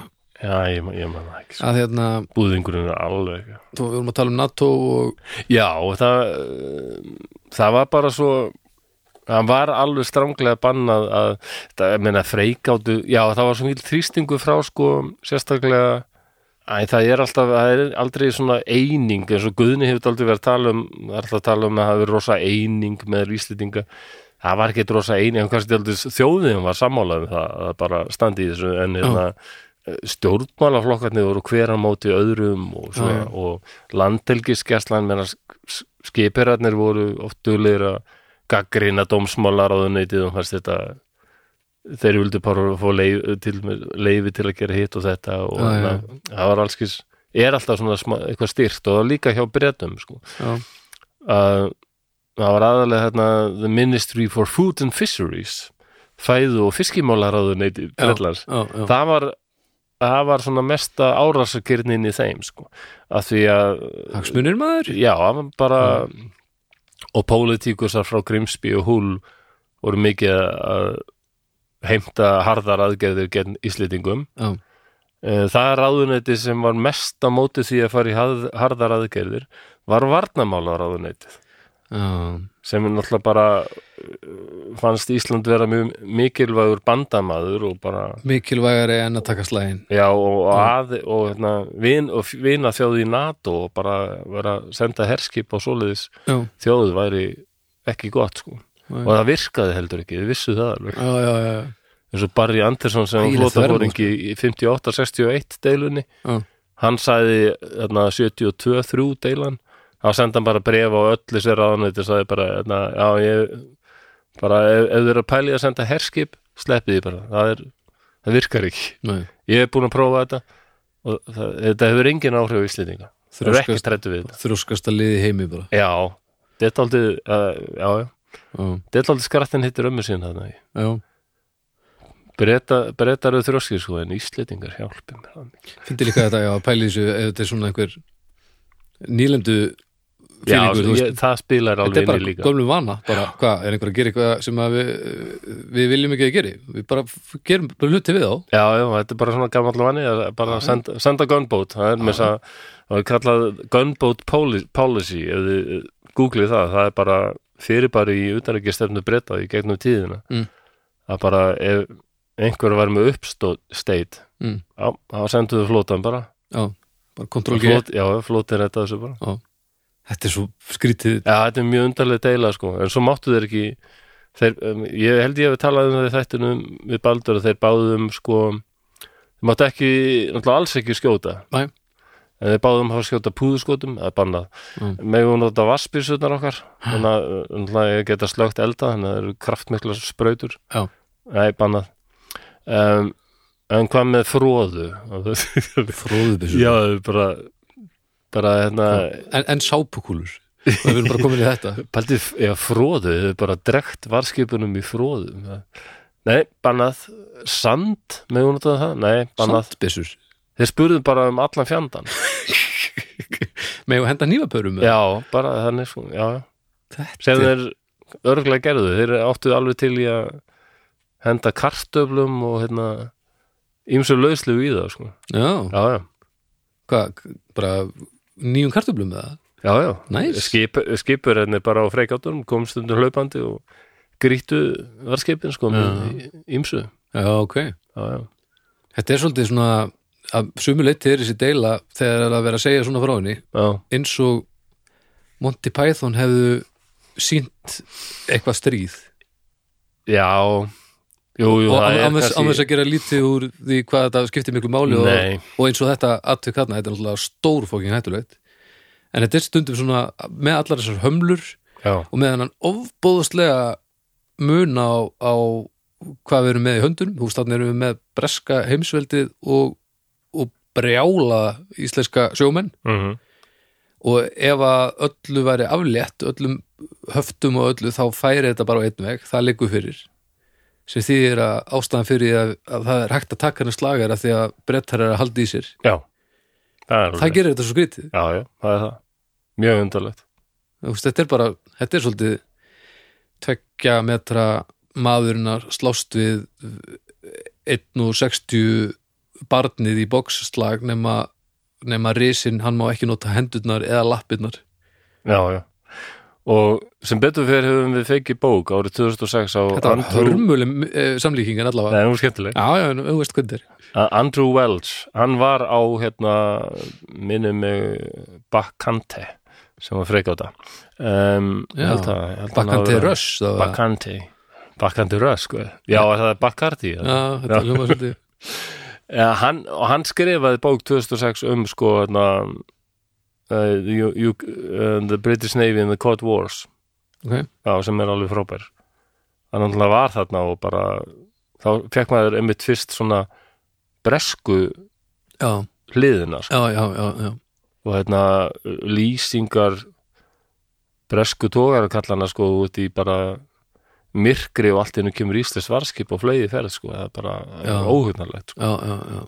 þeir voru alveg leist ekki á þetta sko. Í stóra sammenginu þá er þetta kannski ekki á pari við styrjaldir heimsins. Nei, nei, en þegar þú ert bara einn maður á skipinu og serð serð þetta koma út úr myrkurinu þá er þetta kannski Já. bara aðeins persónulegra og, og, já og hérna, þeir vil, þeim fannst ömulegt að vera þarna. Hræðilegt veður já, og freikarnir eru alveg mm, það er ekkert voðalega stöðug skip sko, þannig að það er í vondum veðrum og uldu það er mikið og þetta, var ekkit, þetta var alveg og svo sapnaðist ís á þar þannig hryllingsveðri þurftu skipur hérna að fara út og vera að berja með skóplum og hökum og oh. berja ísina. Þetta er bara þeim, að, þeim varst þetta alveg voðalegt sko. og þeir mátt ekki nota neitt, þeir, þeir voru með þetta var fullkomið stríðstól. Til dæmis gátu þeir sko trublaðu samskipti í íslensku landhelgiskestunum algjörlega, já, bara erum með skrambler. Svona, já, svona skramblegar svona jammers, já, það var stranglega bannað að nota það, þeir máttu það ekki. Út af því íslensku varskipin voru björgunarskip.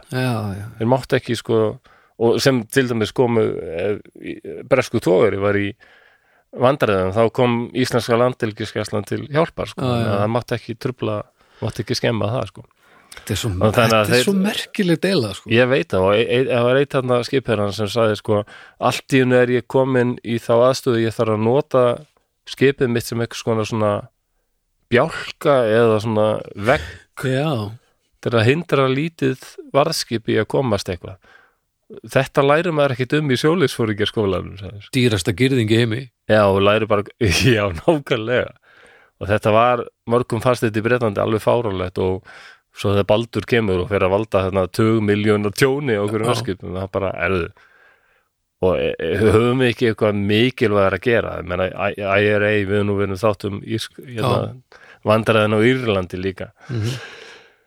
IRA er að sprengja hérna heima fyrir sko, bara, og hvað erum við að heiða peningum og já. tíma í þetta sko? Já, já, líka bara dagleg og en til dæmis að það er atvik sem gerist á Spáni sko, eitt, má ég byrja Já. eitt áður en ég gleymi því? Já, þegar að setni áreksturinn á sér stað eru þeir þá komnir þrýr inn?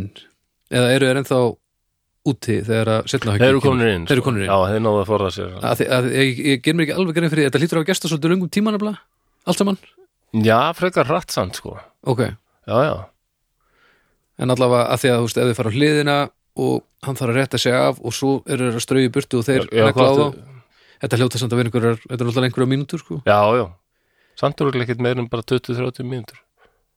Nei, en en, já, ok. Þetta er um, það er atvik til dæmis á Spáni þá voru breski sjóliðar þar. Já, og hlutið þeirra fær kall þeirra að koma heim mhm, og senda það til Íslands í Þorskastrið ok. Og það var og þeir voru alltaf, ó guð, nei, en þess ekki. Fara frá Spáni og Ísland til Íslands. Já, það, eða sko ekki til Íslands, heldur bara hafinu Já. umkring Ísland. Nákvæmlega. Og hérna þannig að það var verið að segja við hina sem uh, byrjuðu eitthvað að stríða þeim. Já, að þeir voru að fara til Ísland það var, þeir sko, næstu því brutust út slagsmál. Og það verið að benda á hérna ekki vera stríða stríða þeim sko. Ekki pyrra þá þeir eru brjálaðir yfir að þurfa að fara þarna og hérna. En svo brutust út rosalega slagsmál á þetta það voru á einum bar. Já, þá hérna var eitthvað sjóliði sem sagði hei, ég, nú eru þið hérna eru að fara til Íslands. Þannig að ég var að spá í hvort að við ættum ekki að bjóða ykkur í, í glas. Af því að ég, ég veit að þið hlakki ekki til að fara þarna og þið þurfið að fá, já, já, heyr, heyr ja, takk fyrir það. Svo Ég bætir hann við uh, would you like any Ég að og, og þá sprungu allur hlátri. Og þá eruðu hinni brjálaðir og það bara eruðu fjöldarsálsmál ég ætla ekki sko að það hefur sérst gefið þetta er svo brest viski on the rocks nema að sleppa viskinu þeir eru fengið bara klaka. Ég Já. ætla ekki sko það. Og svo, bæ- já, bætu við, þannig að í drikkin ykkar vil, viljið þið kannski fá smá ís og, þetta er svo mikið þetta er svo mikið bót ó, þetta er svo enskur húmor. Og það er alltaf verið, já, verður allt bara en þetta, þetta sýnir til dæmis hvað þeir nefntu þessu alls ekki en þeir áttu eftir að búa þessu. Af því að sex ára setna þá fara þeir í alvöru stríð við Argentínu. Mm, þeir eru að sigla í þrjá mánuði bara næstuði frá norðupólnum til suðupólsins líku eða bara, já, Já. á enda veraldar. Já. og berast við argentíska flotan það var, alvöru, þar var skotið og menna, það er bara létursmenn og, en ekkert, ekkert þá- ósvipaðar aðstæður að sjó. En þar voru, þá voru margir þeirra sko reyndir já, til dæmis er, vanir erfiðum já, sko. þannig að þetta gagnaðist um vissu liti, segja þeir sko. Já, Já, æfingastrið, vinnóttastrið En það sem gerir, ok, það, áfram með tí, það sem gerist er að Guðmundur kennist þeir segi bara, ok, við verðum að stefni í land. Mm. Og Falmáð freikáta náttúrulega dregur sig í hlje, en Já. þá kemur þarna dráttabátur sem voru mjög illremdir, Statesman sem byrjar að kemur siglanda fullra ferð. Statesman. Og þá, og, og, og týr nær ekkit fullum hraða, sko. Nei. og þá gefur Guðmundur bara, ok, setið menn á byssurnar. Já. bara sýnið það bara og ef þið komið næl þá skjótu við. Þannig að þeir, já, þannig að þeir taka bara dráttabáturinn sér það að þeir eru bara miða byssunum á það og eru bara tilbúinir að skjóta sko. ok, ég veit ekki hvort hann varaði þá við í talstöðinni sko. Mm. ég veit að eh, Falmáð freikáttar sko, þeir, þeir köllu hérna, yfir til þeirra er allt í lagi hjá okkur? Og fengur bara hvað fokkjú tilbaka. Ok. Kjafti. Getum við einhvern veginn aðstóða þá koma sværi bara við þurfum enga helvítis aðstóð frá ykkur. Á íslensku nei, reyndar á ennsku don't Já. need any help from you Já. En býtu, hvað ætlaði Statesman að gera? það klára verkið kannski, það er aldrei við Og hver, hver er þá að, að, hérna, að skipa fyrir hjá þeim? Er það samið? Þeir, bara, bara skipstjórið það sko Ba- já, það er- það bara- þetta, þeir eru bara sjóræningar bara John Statesman já, já, Já. þeir bara já, þeir voru ekki undir breska flottanum með- voru þeir bara að vera með vesinn þeir, gáttu, já, já. Þeir, það, land, landfélskestan er alltaf að tala um, þeir voru ítrendir sko, þeir voru virtust alveg sko ekki hika við að hérna, það sannaðist til dæmis í desember 75 þegar hérna þrýr dráttabátar hefðu leitað inn til seyðisfjörðar af að vant veður mm og einn dráttabáturinn um, vantaði vatn. Ok, þeir fóru hann í var og voru að dæla vatni yfir í hann. Uh og þeir flugvel landhelgiskessluna verður var við þá og lætur vita þeir eru hérna inni. Mm. og Þóri er í höfn á Seyðisfyrði ok. Og Helgi Halvarsson náttúrulega alveg bara allir í bað af stað og kemur æðandi. Já. og þeir uh, reyna að slepp og það e, aftur er sko þetta er ekki að sama sko. Ok, íslenska hliðin er svo að Þóri var bara að sigla út úr Seyðisfyrði mm. Og dráttabátnir sitja fyrir honum.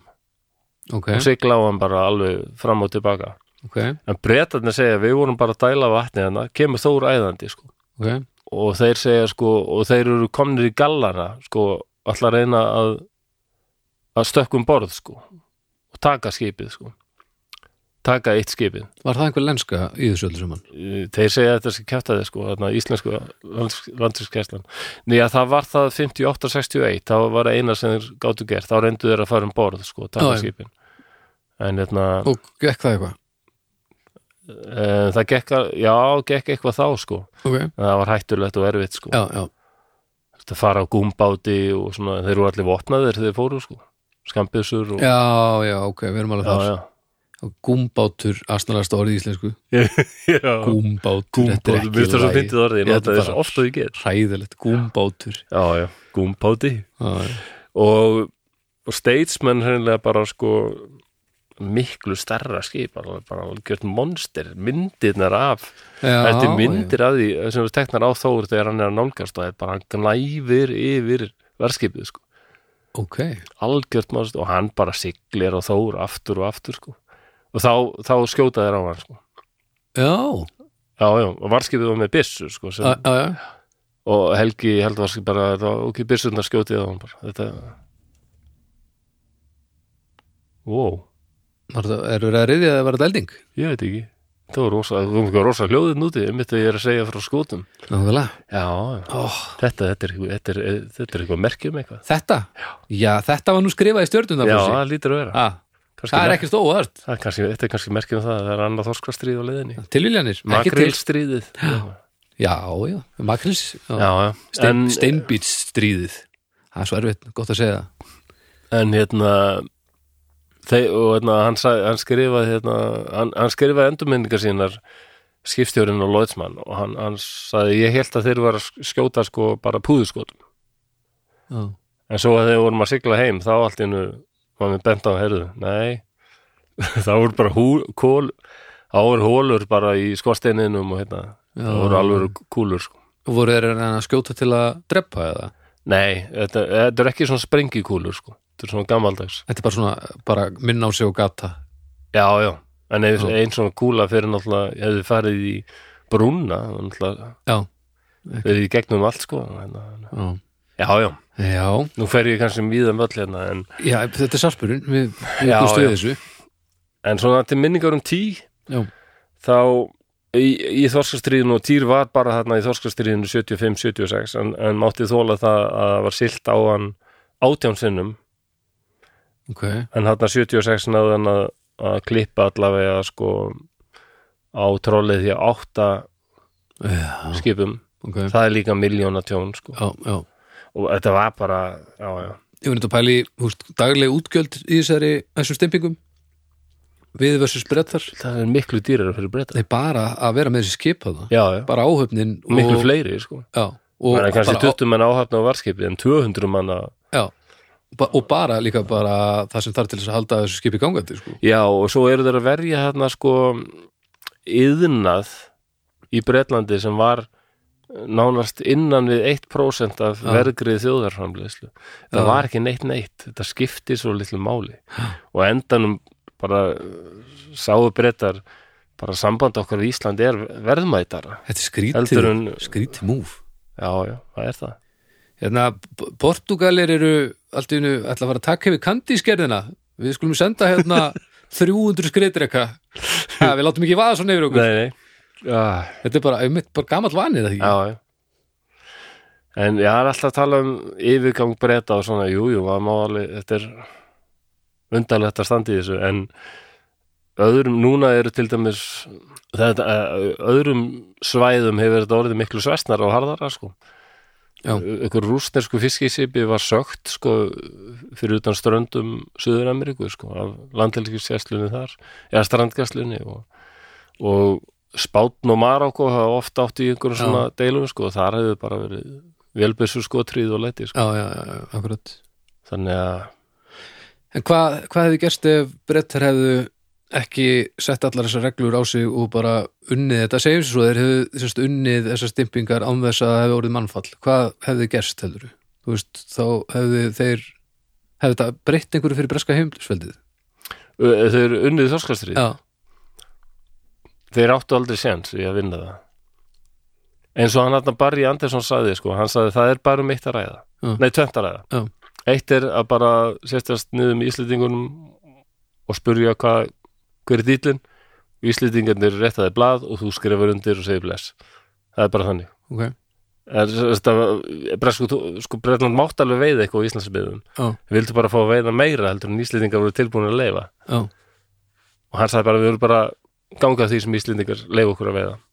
Hitt er að við sendum flótan já, og við tökum varskipið þeirra. Já. bara tökum með valdi og Ok. sigluðum þeim til Bretlands. Ok. Og þá erum við búin að lama alveg sko geta þær ekkert verndað Akkurat. geta þær ekkert stoppa tógarinn okkur Þannig. og sagði, það er náttúrulega alveg það verður allt brjálað að við gerum það. En þetta er einu, eina sem er stöðunni. Já, annað er ekkert virkar ekki. Er ekki bara að raun vendist alveg rétt hjá já, og, en, og svo var líka þetta snýrst allt um útfæslu í 200 mílur sem Íslendingar höfðu gert þarna 75 uh -huh. það vissu allir að það var á leiðinni. Það er Já. bara alþjóða hafréttar ráðstæfnan myndu og endan segja bara hvert ríki hefur rétt á því. Já, já, já. En að- Íslendingar voru dálítið að flýta sér. Já, já, já, bara já, Íslendingar sögðu sem sagt að þorstofnin er bara í hættu hérna ok, þannig að við þurfum að gera þetta núna Já. sem en þannig að í dag er mjög umdelt sem er ekkert endilega rétt sem sagt. mm, ég veit það ekki við, það, en þannig að í dag haldi Íslendingi því fram að, að það hafi komið svört skýrsla frá Hafrannsóknarstofnun mm. og bara hvort að þetta hafi þurft að vera viðbröðin viðbröðin en 82 þá var þetta þá var þetta samþýtt bara í alþjóðlegum sko, 200 Ok. mílur en breyta er náttúrulega anskotnars hrestnarar bara já, já, því að þeir, voru, þeir vildu náttúrulega það er óli hann í kringu Bretland og þeir vildu náttúrulega framlengja eða sko lengja sína efnaðarslöksu þess vegna áður en það var fært í lög sko. og 77 þá, þá stækkuðu breytar sjálfur sko, út í 200 mílur. Ok, við erum búin að tapa þessu fyrir Íslendingum, þeir komast upp með þetta þannig að þá gerum við þetta bara líka. Jésus, drullar. Hvað er að þér? Ég var ekki að segja neitt. Sorry, I don't Hjálp! Hvað er þetta með mig og uh, gerfi grein? Þetta er nýtt hlaðvarp sem við hérna uh, hlugkirkja fyrir að byrja með. Það er nýjast tekn og flósi Það er alltaf einhver, síminn er alltaf eitthvað Alltaf eitthvað, hérna, já Sama þótt ég segi ekki, ok, Google. Já, já, þetta, Já, já, þarna. Þá bara allt í henni kemur eitthvað hérna. Já, já, þetta er bara þetta er, Sorry, I didn't get that. Ég er bara að horfa á sjónvarpið eitthvað alveg. Sorry, ekki, ég náðu þess ekki. Hvað að segja? Ég var ekki að segja neitt. Alveg svo búa með einhverjum sem Alzheimer eða já, ég meina þetta er bara En hún er bara að vennast þér, þú er bara að vennast henni Ég vissum að þið finnið út úr þessu vandanum. Já, þú heldur það. Já, ekki alvörinni en, að en, en, já, en týr bara, þetta er rosaleg saga, sko. Mm, Til dæmis fór týr hérna þegar hérna þessi hræðilegu snjóflóð voru 95 Já. þannig að þá fer týr þangað með, með, með fullt af uh, fólki, björgunarsveita fólki og hjúkrunfræðingum og læknum og, en týr hefur, hefur á sínu langa ferli sko náði hefur náð að bjarga sko vel yfir hundrað skipum sem hafa strandað. Já, og Týr náði að bjarga árið 2015 fór Týr alla leið til Kyrrahafsins nei, nei hérna, miðrarhafsins já. og bjargaði þar á milli 350-400 flótamönnum Já, þannig að þetta skip hefur alveg komið víða við og var glæst saga sko. já, heldur betur. Hvað, hvað heitir þessi þáttur? uh, Týr kemst í hann kreppan. Já, já, ég var spáðið því að fara aftur í svona reyfara titladóldi. Ég skilði Ó, eða eitthvað djúvill er einhver komin í larpbúningin sinn og er mjög vonsvikinn með efnistökin. Að þetta er, er daldið til einhver tí líka. Ég er nú búin að gera þátt um Baldur og týr er svona líka í uppáldi en það í þessari 200 mílna deilinu sem var mjög stutt þetta var bara síðan í november, desember 75 fram í mæ 76, en mjög harðvítug. Þá voru sko 40 já, svona 48 klippingar sko. Landhelskjæstan var alveg bara Já, grjótörð sko. Það og það var týr og ægir sem klipptur langmest sko. Já, en hérna, og Baldur ég held að Baldur hafi klift og mjög fáa tóra fimm mestalagi Baldur var, ja, Baldur var já. og notaður það. En, og Guðmundur kennist þegar hann, hann sagði í einu viðtali sko, já, við þurfum svona fimm svona pólska tóra þetta er alveg málið sko. En- þurfum fimm svona Baldra. Ég held að það hefði orðið brjál. usla Já, það hefði verið fimm skip eins og Baldur sko. það, var eitthvað uh, þetta hitt varskipið sem var að nálgast skuðtóðurinn sem var að nálgast falmóð það til byrjun Já. það er ekki Baldur heldur, það var skip sem hittu Ver sem var líka svona pólsku skuðtóðari okay. eh, sem náði nú ekki mikið að láta að sér kveða en náði að skemma freikátuna Mermaid alveg rosalega Okay. en hann skemmtist líka sjálfur og gífulega en það voru sem sagt, það var rosa atgangur þarna 7. mæ, það var ekki bara týr og falmátt, það voru alveg mörg, mörg önnur skip sem hérna, komin, nú er Flósi komin með bókjæru loft hérna. Þorskastirinn þrjú. Til dæmis voru hérna varskipið Óðinn og, og hérna og hérna freikáttan, nú ferður auðvitað að hlæja, Gúrka. Ég hún er alltaf að kalla Gúrkan. Gúrkan? Hún hétt Gurka G-U-R-K-H-A sem er gott að það er ekki eitthvað svæði og Indlandi allavega rosalega Já, mögnuð herdeild í breska hernum sem kom frá þessu svæði og Gurkas já, með svona frægan hníf sem hatt, svona blaði hallar svona fram einhvern veginn svona já, já svona, svona, svona lett sigð einhver. Já, eitthvað svolítið, þeir voru mjög þóttu rosalir hermenn og hún var kallið Gurka okay. en uh, gæslumennir kallið hann alltaf gúrkuna bara. Gúrkan, kemur gúrkan og svo var það Hafmeyjan, Mermaid sem hefði verið framleitt sem var mjög sérstök í lögun, hún var svona nánast eins og blandað freikáttu og skemmtifæraskipi já, að því að var ekkur sko innræðisherra og, og, og, og stríðsherra í Ghana sem hefði pantað hana. Sem ah, langaði að hafa svona uh, forsetta snekju sem væri daldið eins og herskip. Það er vissulega stríð en það þarf að vera stuð. En svo held ég að hann hefði verið drepin áður en þeir gátu ah, skilaði þessari freikáttu ok, Þannig að hún var bara notuð í breska herðum og hétt Mermaid sem náttúrulega var hérna sem var náttúrulega þeir kolluðu bara hafmeiguna og þetta var algjör strís ásand þarna sko og hérna Baldur og Mermaid voru í, í svona var í, voru í svona korpundasir svo kom ver og lendi og, og áreksri við Mermaid mm, og Mermaid var mjög skemmt og þurfti að sigla heim líka. Já, já, hversu lengi uh, heldur brettar áfram að djöflast í þessu eftir að það lág ljóst fyrir að þetta meika ekki sens ef, að, ef, ef, ef, það gerist þannig þar að segja. Um, þú veist, hefur þetta að stoppa fyrir? Já það finnst mér allavega, finnst mörgum öðrum sko. En hérna, að þetta hljómar pínu á meðan þess, þetta var að gerast voru náttúrulega í landi voru sífjöldar samningaviðræður sko. og það, þarna vissu þeir eiginlega þetta Mm. breytar alltaf bara gefast upp fyrir nefntiskilingur þetta hljómar svolítið um svo svona þetta var ógeðslega létt útgáfa af Vietnamstríðinu þar sem að það Er bara það? ekki hægt að viðkenna að maður hafi haft rótt fyrir sér og það þarf bara að halda áfram að dæla hlutum já, þetta er, það er pínu svona fílingurinn nema náttúrulega alls ekki því að það var aðeins annar annar ég, fílingur mér finnst það sko mér finnst þetta, ég held að flestir séu já, hann- fyrir, ég myndi ekki alveg nafnið honum Ella, hann heitir Elias Sveinbjörn Sveinbjörnsson Já. sem hérna alltaf bara hlaupum borð og, og kýla já, plúmur sko. akkurat hann sagði bara, ég, ég held að ég væri bara að fara degi þarna sko. mér finnst ég vera bara bara óra langan tíma sko, já, í vatninu sko. þetta er rosalega lýsingar já, nei það voru það var ekki ver, það var Mermaid og, og hérna, Baldur sem lendi í slagsmálum. Já, var að baldur sem að lemstraðan já, ok, já, nei að ver hérna nálgaðist falmúð og einmitt eftir að falmúð var búin að skemmast og var eða stopp mm þá kemur ver og allar að virðist eins og en allar að sigla á freigátuna það fannst þeim mjög alvarlegt freigóta sem verið dead in the water. Já, já, já, bara stopp. Heiðurs, heiðursmál bara. það var ekki fallegt. Þetta er bara eins og hann var miklu alvarlega að tala um það í breskun skjölum heldur þetta er eins og hann Algjörlega. hvað hétt hann? Eitthvað, sí, síne hérna, flugmaðurinn? Síne, hvað hétt hann?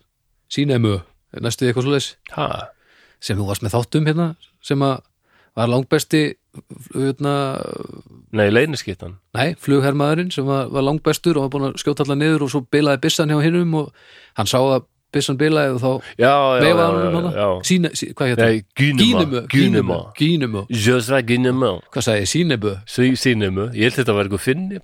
Sínebö, Sínemu flottur. Já, svona heiðurstæmi eitthvað. Já, já. Já. um, en hvað er það sem að, að alveg, af hverju hættir þetta, Úst, hvað er það sem lætur þetta á endanum hætta?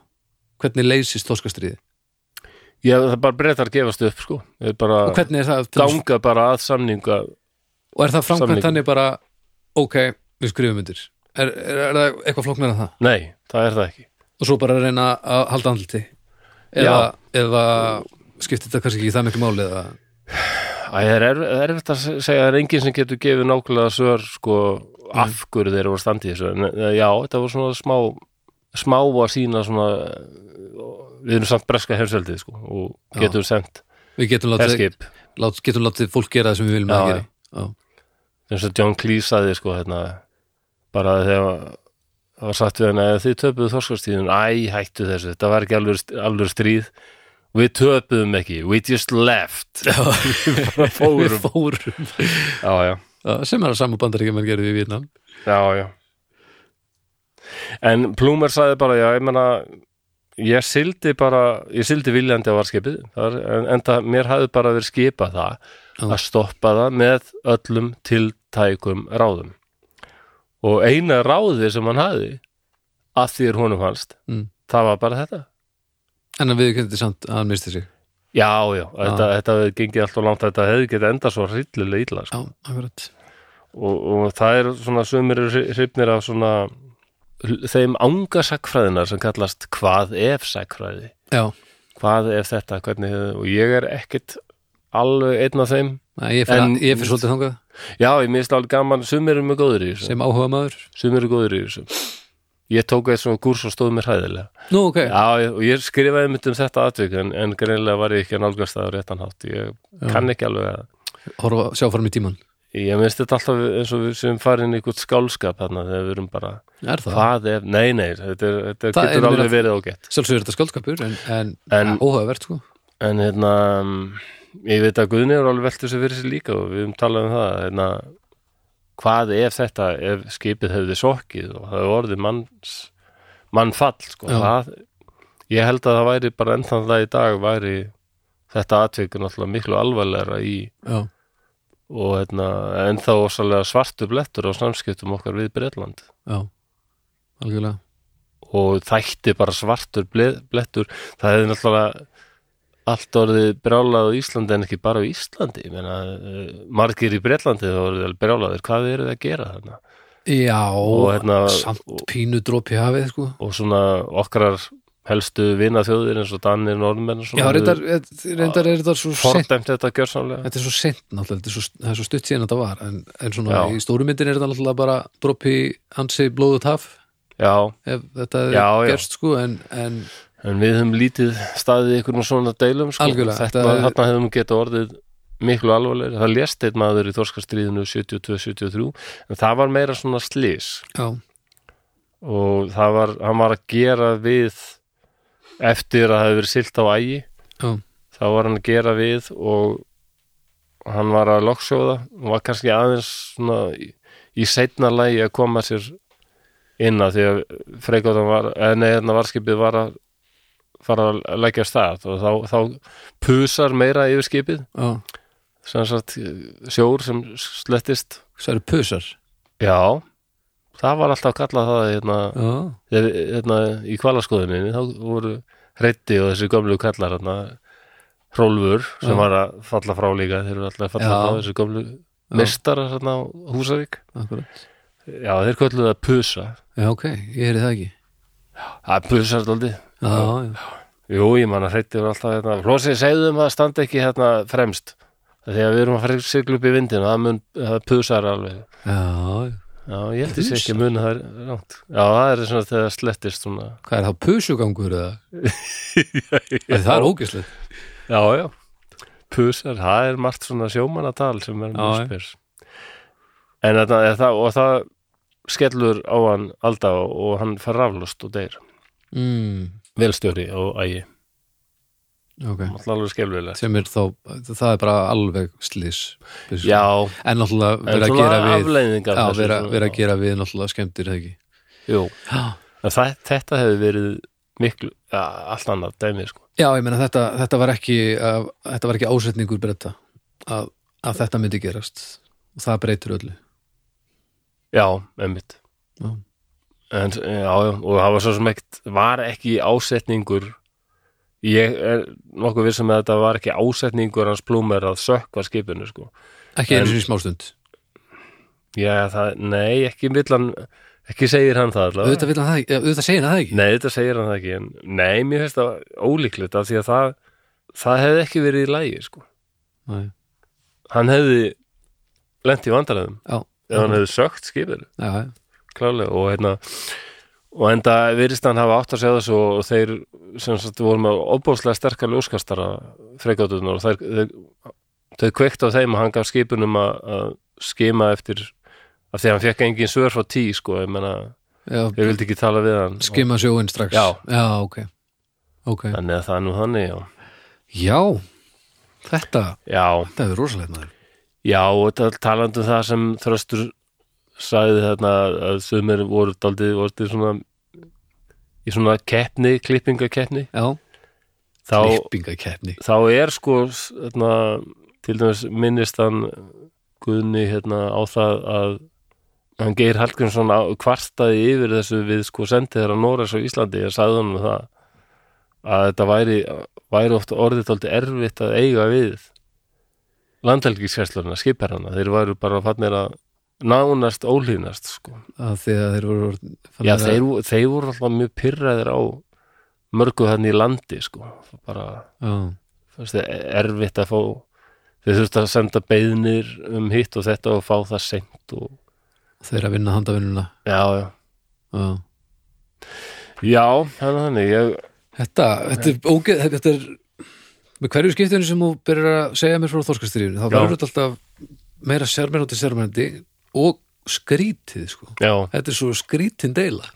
Ég veit það og ég held að það margir áttir sig ekki á því og hérna, ég er alltaf á því að það þurfa að segja frá þorskarstríðinu og ég held að með svo ungir krakkar í dag geti haft áhuga á þessu. Þetta er rosalega merkilegur atbyrður í Íslandsugunni sem hefur samt verið sko drekt í ykkur óbáslu svona þjóðernir spulli sem ég bara nenn ekki lengur að hlusta á. Ég bara, Nei, nei, það var kannski allt til að sínt tíma sko, en, en enn þann dag í dag eru sko ráðamenn alltaf að fara með rámt mál.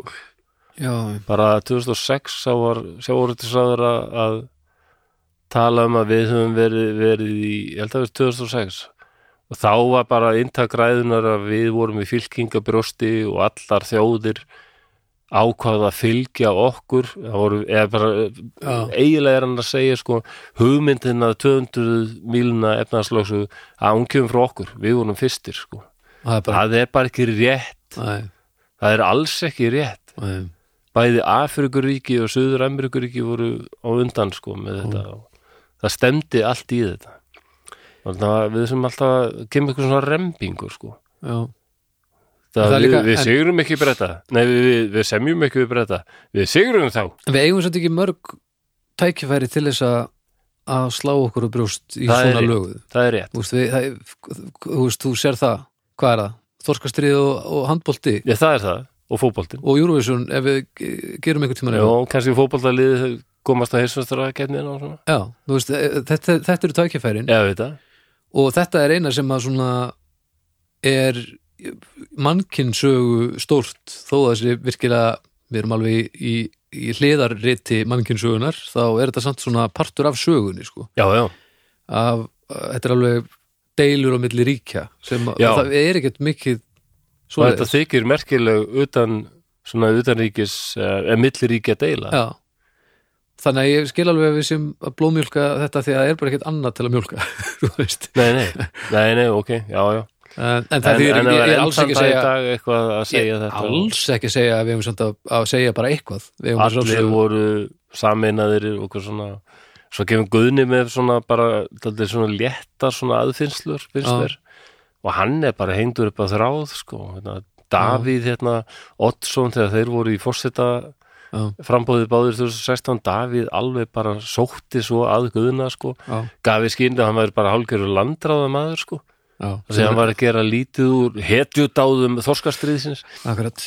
Að ég man að þá sagði Guðni bara "Bíddu, hefur þú enga sómakend sem mér fannst óbúslega gott hjá hann því að það er líka beint úr sögunni, það er hérna að vitna í hersöðinga í banderska hernum sem hérna hafi verið kallaður til vittnis minni mig í 50 og eitthvað í bandaríkjunum Mm. þegar McCarthy deilutnar eða McCarthyismin stóð sem hæst sem Mm. var tímabil þar sem voru bara svona nornaveiðar í bandaríkjunum allir sem voru grunaður um að vera vinstri menn eða hallir undir sósælisma voru bara reknir og, bara urðu bara, það var algjört cancel culture í gangi þar sko Mm. og þá hérna, var einhver úr bandaríska flótanum held ég að hernum sem var grunaður um eitthvað svona og þessi maður mætti bara og sagði bara við makkar þeir heyrðu bara, æ, ég nenni ekki að taka þátt í þessari vittlesun einhver, bara, bara hvað er að þér, man, have you no decency sir, sko, hvað er þetta? Já, sækja svona að fólki sem er bara að vinna sína vinnu fyrir föðurlandið og bara, já, þetta bara hann bara kláraði McCarthy með þessari setningu bara, já. have you no decency sir? Já, já, þetta er áhugavert. Ein spurning já í þínum, þínum, þínum uppáhalds þínu uppáhaldsvæðis rakfræðina sem er hvað ef? Já, uh, ef að þessi deila hefði aldrei komið upp ef bara, við hefum bara fært, fært þetta í 200 og enginn hefði bara sagt neitt hvað væri öðruvísi? væri allt eins nema bara já þá varum við ekkert að tala um þetta nei, ja, þessi, nei, þá bráðu vantaði okkur greinilega. Þá væri ég held að, nei, ég meina ég held að breyta ekki miklu sko. ég held nefnilega að þessi þjóðurnir út á þorskastriðinu er ekki það mikilvægur nei, þurfum við einhvað á honum að halda veit það ekki mér finnst bara nóg af þessum bara við getum bara státað að því að vera bara þessi litla sjálfstæða þjóð á harðbílunum landi sem samt hefur getið af sér einar mikilvægastu miðaldabókmentir veraldarinnar og bara Mm. er mjög speðs þjóð sem talar með sérstætt tungumál sem er bara eitt elsta óbreytta tungumál veraldar og, og spes og við erum rosalega spes, landið okkur rosalega spes, það er bara alveg nóg. Já, þurfum ekki hennan anskotast þjóð, þjóðrembing sem er byggður líka á bara vitleysu. Já, en svo vil ekki taka af að ég held mjög mikið upp á landilíkskesslunum hún stóð sér meðla, jú, jú stóð sér vel og þetta Já, ég var það- aldrei töff að standa upp í hárun og þessari stórþjóð. Já, ég var sérst að pæli í sko hvort, eh, hvernig hlutir væru ef við hefði ekki komið til þessara, þessara átaka. En þegar að Ég þurfti að taka slægin þá þetta er rosalega gott að það hafi verið gert. Já, já, en ég veit ekki hvað væri öðruvísi, ég Nei. er góðu punktur. Ég held að nei, nei, það væri ekkit Nei. öðruvísi sko. Og alveg merkilegt að það voru fleiri þjóðir og marga þjóðir veiða hérna eins og við verum þátt líka um tógaraskelvin Karl Georg Schack já. sem gengdi hér landelgiskeslu 1905 mm og hann alltaf þar voru þjóðirar og, og frakkar og Mhm. belgar og margar þjóðir sem hafa verið að veiða hérna og allar þjóðir nema vestur þjóðirar og brettar bara ok, já, alltaf Já. Það var ævintýraleg frásögn. Já, ég held mjög upp á hann kall margir sem burglega áttar sig ekki á því. Og hann var, já, hann var líka rosa þjóð þetta Já. er, þetta er merkilegt þetta þjóðutu dæmi sko. Já, þurfum við þjóðitur líklega þurfum við það. Ef, ég veit Við erum svona undarlegar þjóðitur Já, það er kannski að því að það er aldrei sérstaklega mikið að. Þú veist, það er, við erum við erum svo einangruð að við stöndum ekkert mikið í einhverjum stóraðum sem bý- býr til þjóðheitur, þannig að við þurfum að búa til tækifærin til þess að búa til þjóðheitunar Já, eins og keppnir. ég var að horfa aftur á eða svona renni yfir þættina þjóði hlekkjum hugafarsins sem hálbróðu minn Baldur Hermansson gerði. Þa, þar talar hann mjög illa um mann sem við höfum aðeins talað um líka hérna. Mm. Útlagar á Eðilandi þátturinn sem við gerðum þar er daldið mikið talað um Eyvind, fjalla Já, Eyvind fjallaði vind. og, og Baldur alveg bara það átana er bara? þjófur og rævill en við erum búin að búið að gera hann að þjóðhetju. Þegar systir hans mm, er eiginlega miklu meiri hetja. Því að hún, hún hérna bjargaði fólki sko úr sjávarháska. Mm, en hún er öllum gleimt en, en, þjó, en þjófurinn bróðirinnar er öllum þekktur. Og við leitaði í leikrit og já, svo já, það er gott branding maður. það er þessi pæling, erum við alltaf að búið til ykkur þjóður úr fólki sem á það ekkert skilið? Axlarbjörn er nánast eitthvað svona an, allir vita hver hann var. Hann er svona Morðingi. hann- er ekki svona þjóðarhetja. hann hann er svona, svona, svona þjóðar villein já, hann hann er eini svona, þú veist, hann er eini fjöldamorðingin. já, líklega eiga allar þjóðir líka svona þjóðar ílmenni Já. Já, Þetta, erðu, þetta var áhugaverið samspil. Eða, Já, það er gott að ertu búinn annars? Já, já. já. þetta Þetta, vera stutt já, þetta já, Var nú ekkert mjög stutt, var það? Þetta er alveg flott já, geggjað. Herri, Æ, þetta. Það er alltaf gott að læra aðeins meir um, um þorska stimmingarnar. Uh, Já, bæði þættirnir viðbröðum við þættinum um Baldur og tógara skelfin voru ofsalega góð, en mér sýnst að fólk hafið aldrei áhuga á þessu já, þetta er, þetta er nálægt okkur. Við Já. veitum ekki mikið um þetta. Þá gott að einhver sem veit mikið um þetta og hefur áhuga á þessu segi manni frá. Það gerir hluti áhugaverða. En heyrðu, Ó, þá viljum við bara þakka síðan Borg Brukhúsi og, og Flægur Æsland Já. og Rocksafni Íslands kærlega fyrir hjálpina við að gera þátt. Þetta var, þetta var að, það hjálpar alveg óbúslega mikið og svolsög viljum við líka þakka fólkinu fyrir á Patreon. Drauga hjörðin okkar á Patreon, hún er búin að standa við bakki á okkur alveg í, hvað, dágóðum tíma núna? Já, og ef þið hefði áhuga á að, að, að koma þangað þá skulið þið fara inn á patreon.com eða finnið bara linkin sem er í lýsingun á þessum þætti og þá finnið þið Patreon okkar og getið skoðað hérna hvað er bóðið þar. Eftir hennar, þessar tökur hérna erum við einmitt að fara að taka upp aukaþátt og, uh, við erum með mjög áhugavert málefni fyrir þennan aukaþátt en það er, við erum tveir gamlir menn sem ætlum að tala um já, veðrið. þá tala um veðrið. Já, komið tími til. að löngu komið tími til að tala um veðrið sko. heldur betur, annars Það er bara alltaf lítið talað um veðrið á Íslandi. Eiginlega ekkert, Nei. sérstaklega síðustu daga. Við erum að taka upp hérna á mánudegi uh, sérst í fyrra daga við erum að hlusta á þátti nýjan. En draugafortíðar umræðu hópur á Facebook, þið finnið hann nokkuð öðlega og þar eru við með fjölmarga sem er að, að bæta við uh, þættina og, og koma með hugmyndir og, og skoða alls konar skemmtileg mál. Fallegur skemmtilegur hópur. Og svo getið megið endilega ef þið eru til í gefa þættinum stjörnur þar sem þið getið gert það. Eh, það er til dæmis á, á Apple Podcast og, og Spotify. Og uh, öruglega einhverjum fleiri stöðum þannig að þið kannski bara getið kanna það upp á einn spýtur. Já, Eitthvað fleira, Flósi minn? nei, nei. Ertu bara að tala við vinkonu þeina? Viltu byggja hann um að kveðja fólki núna kannski? Getur gert það? Nú, er það hægt? Ég veit það ekki. Ok, Google Can you say goodbye to my friends? Sure, what's their name? Uh, the ghosts Sorry, what was that person's full name? Ghost Ghostson I'm not finding a match in your contacts. Tell me the person's full name one more time. Draukar for Teeter The name is Draukar for Teeter Got it. Would you like me to remember that for next time?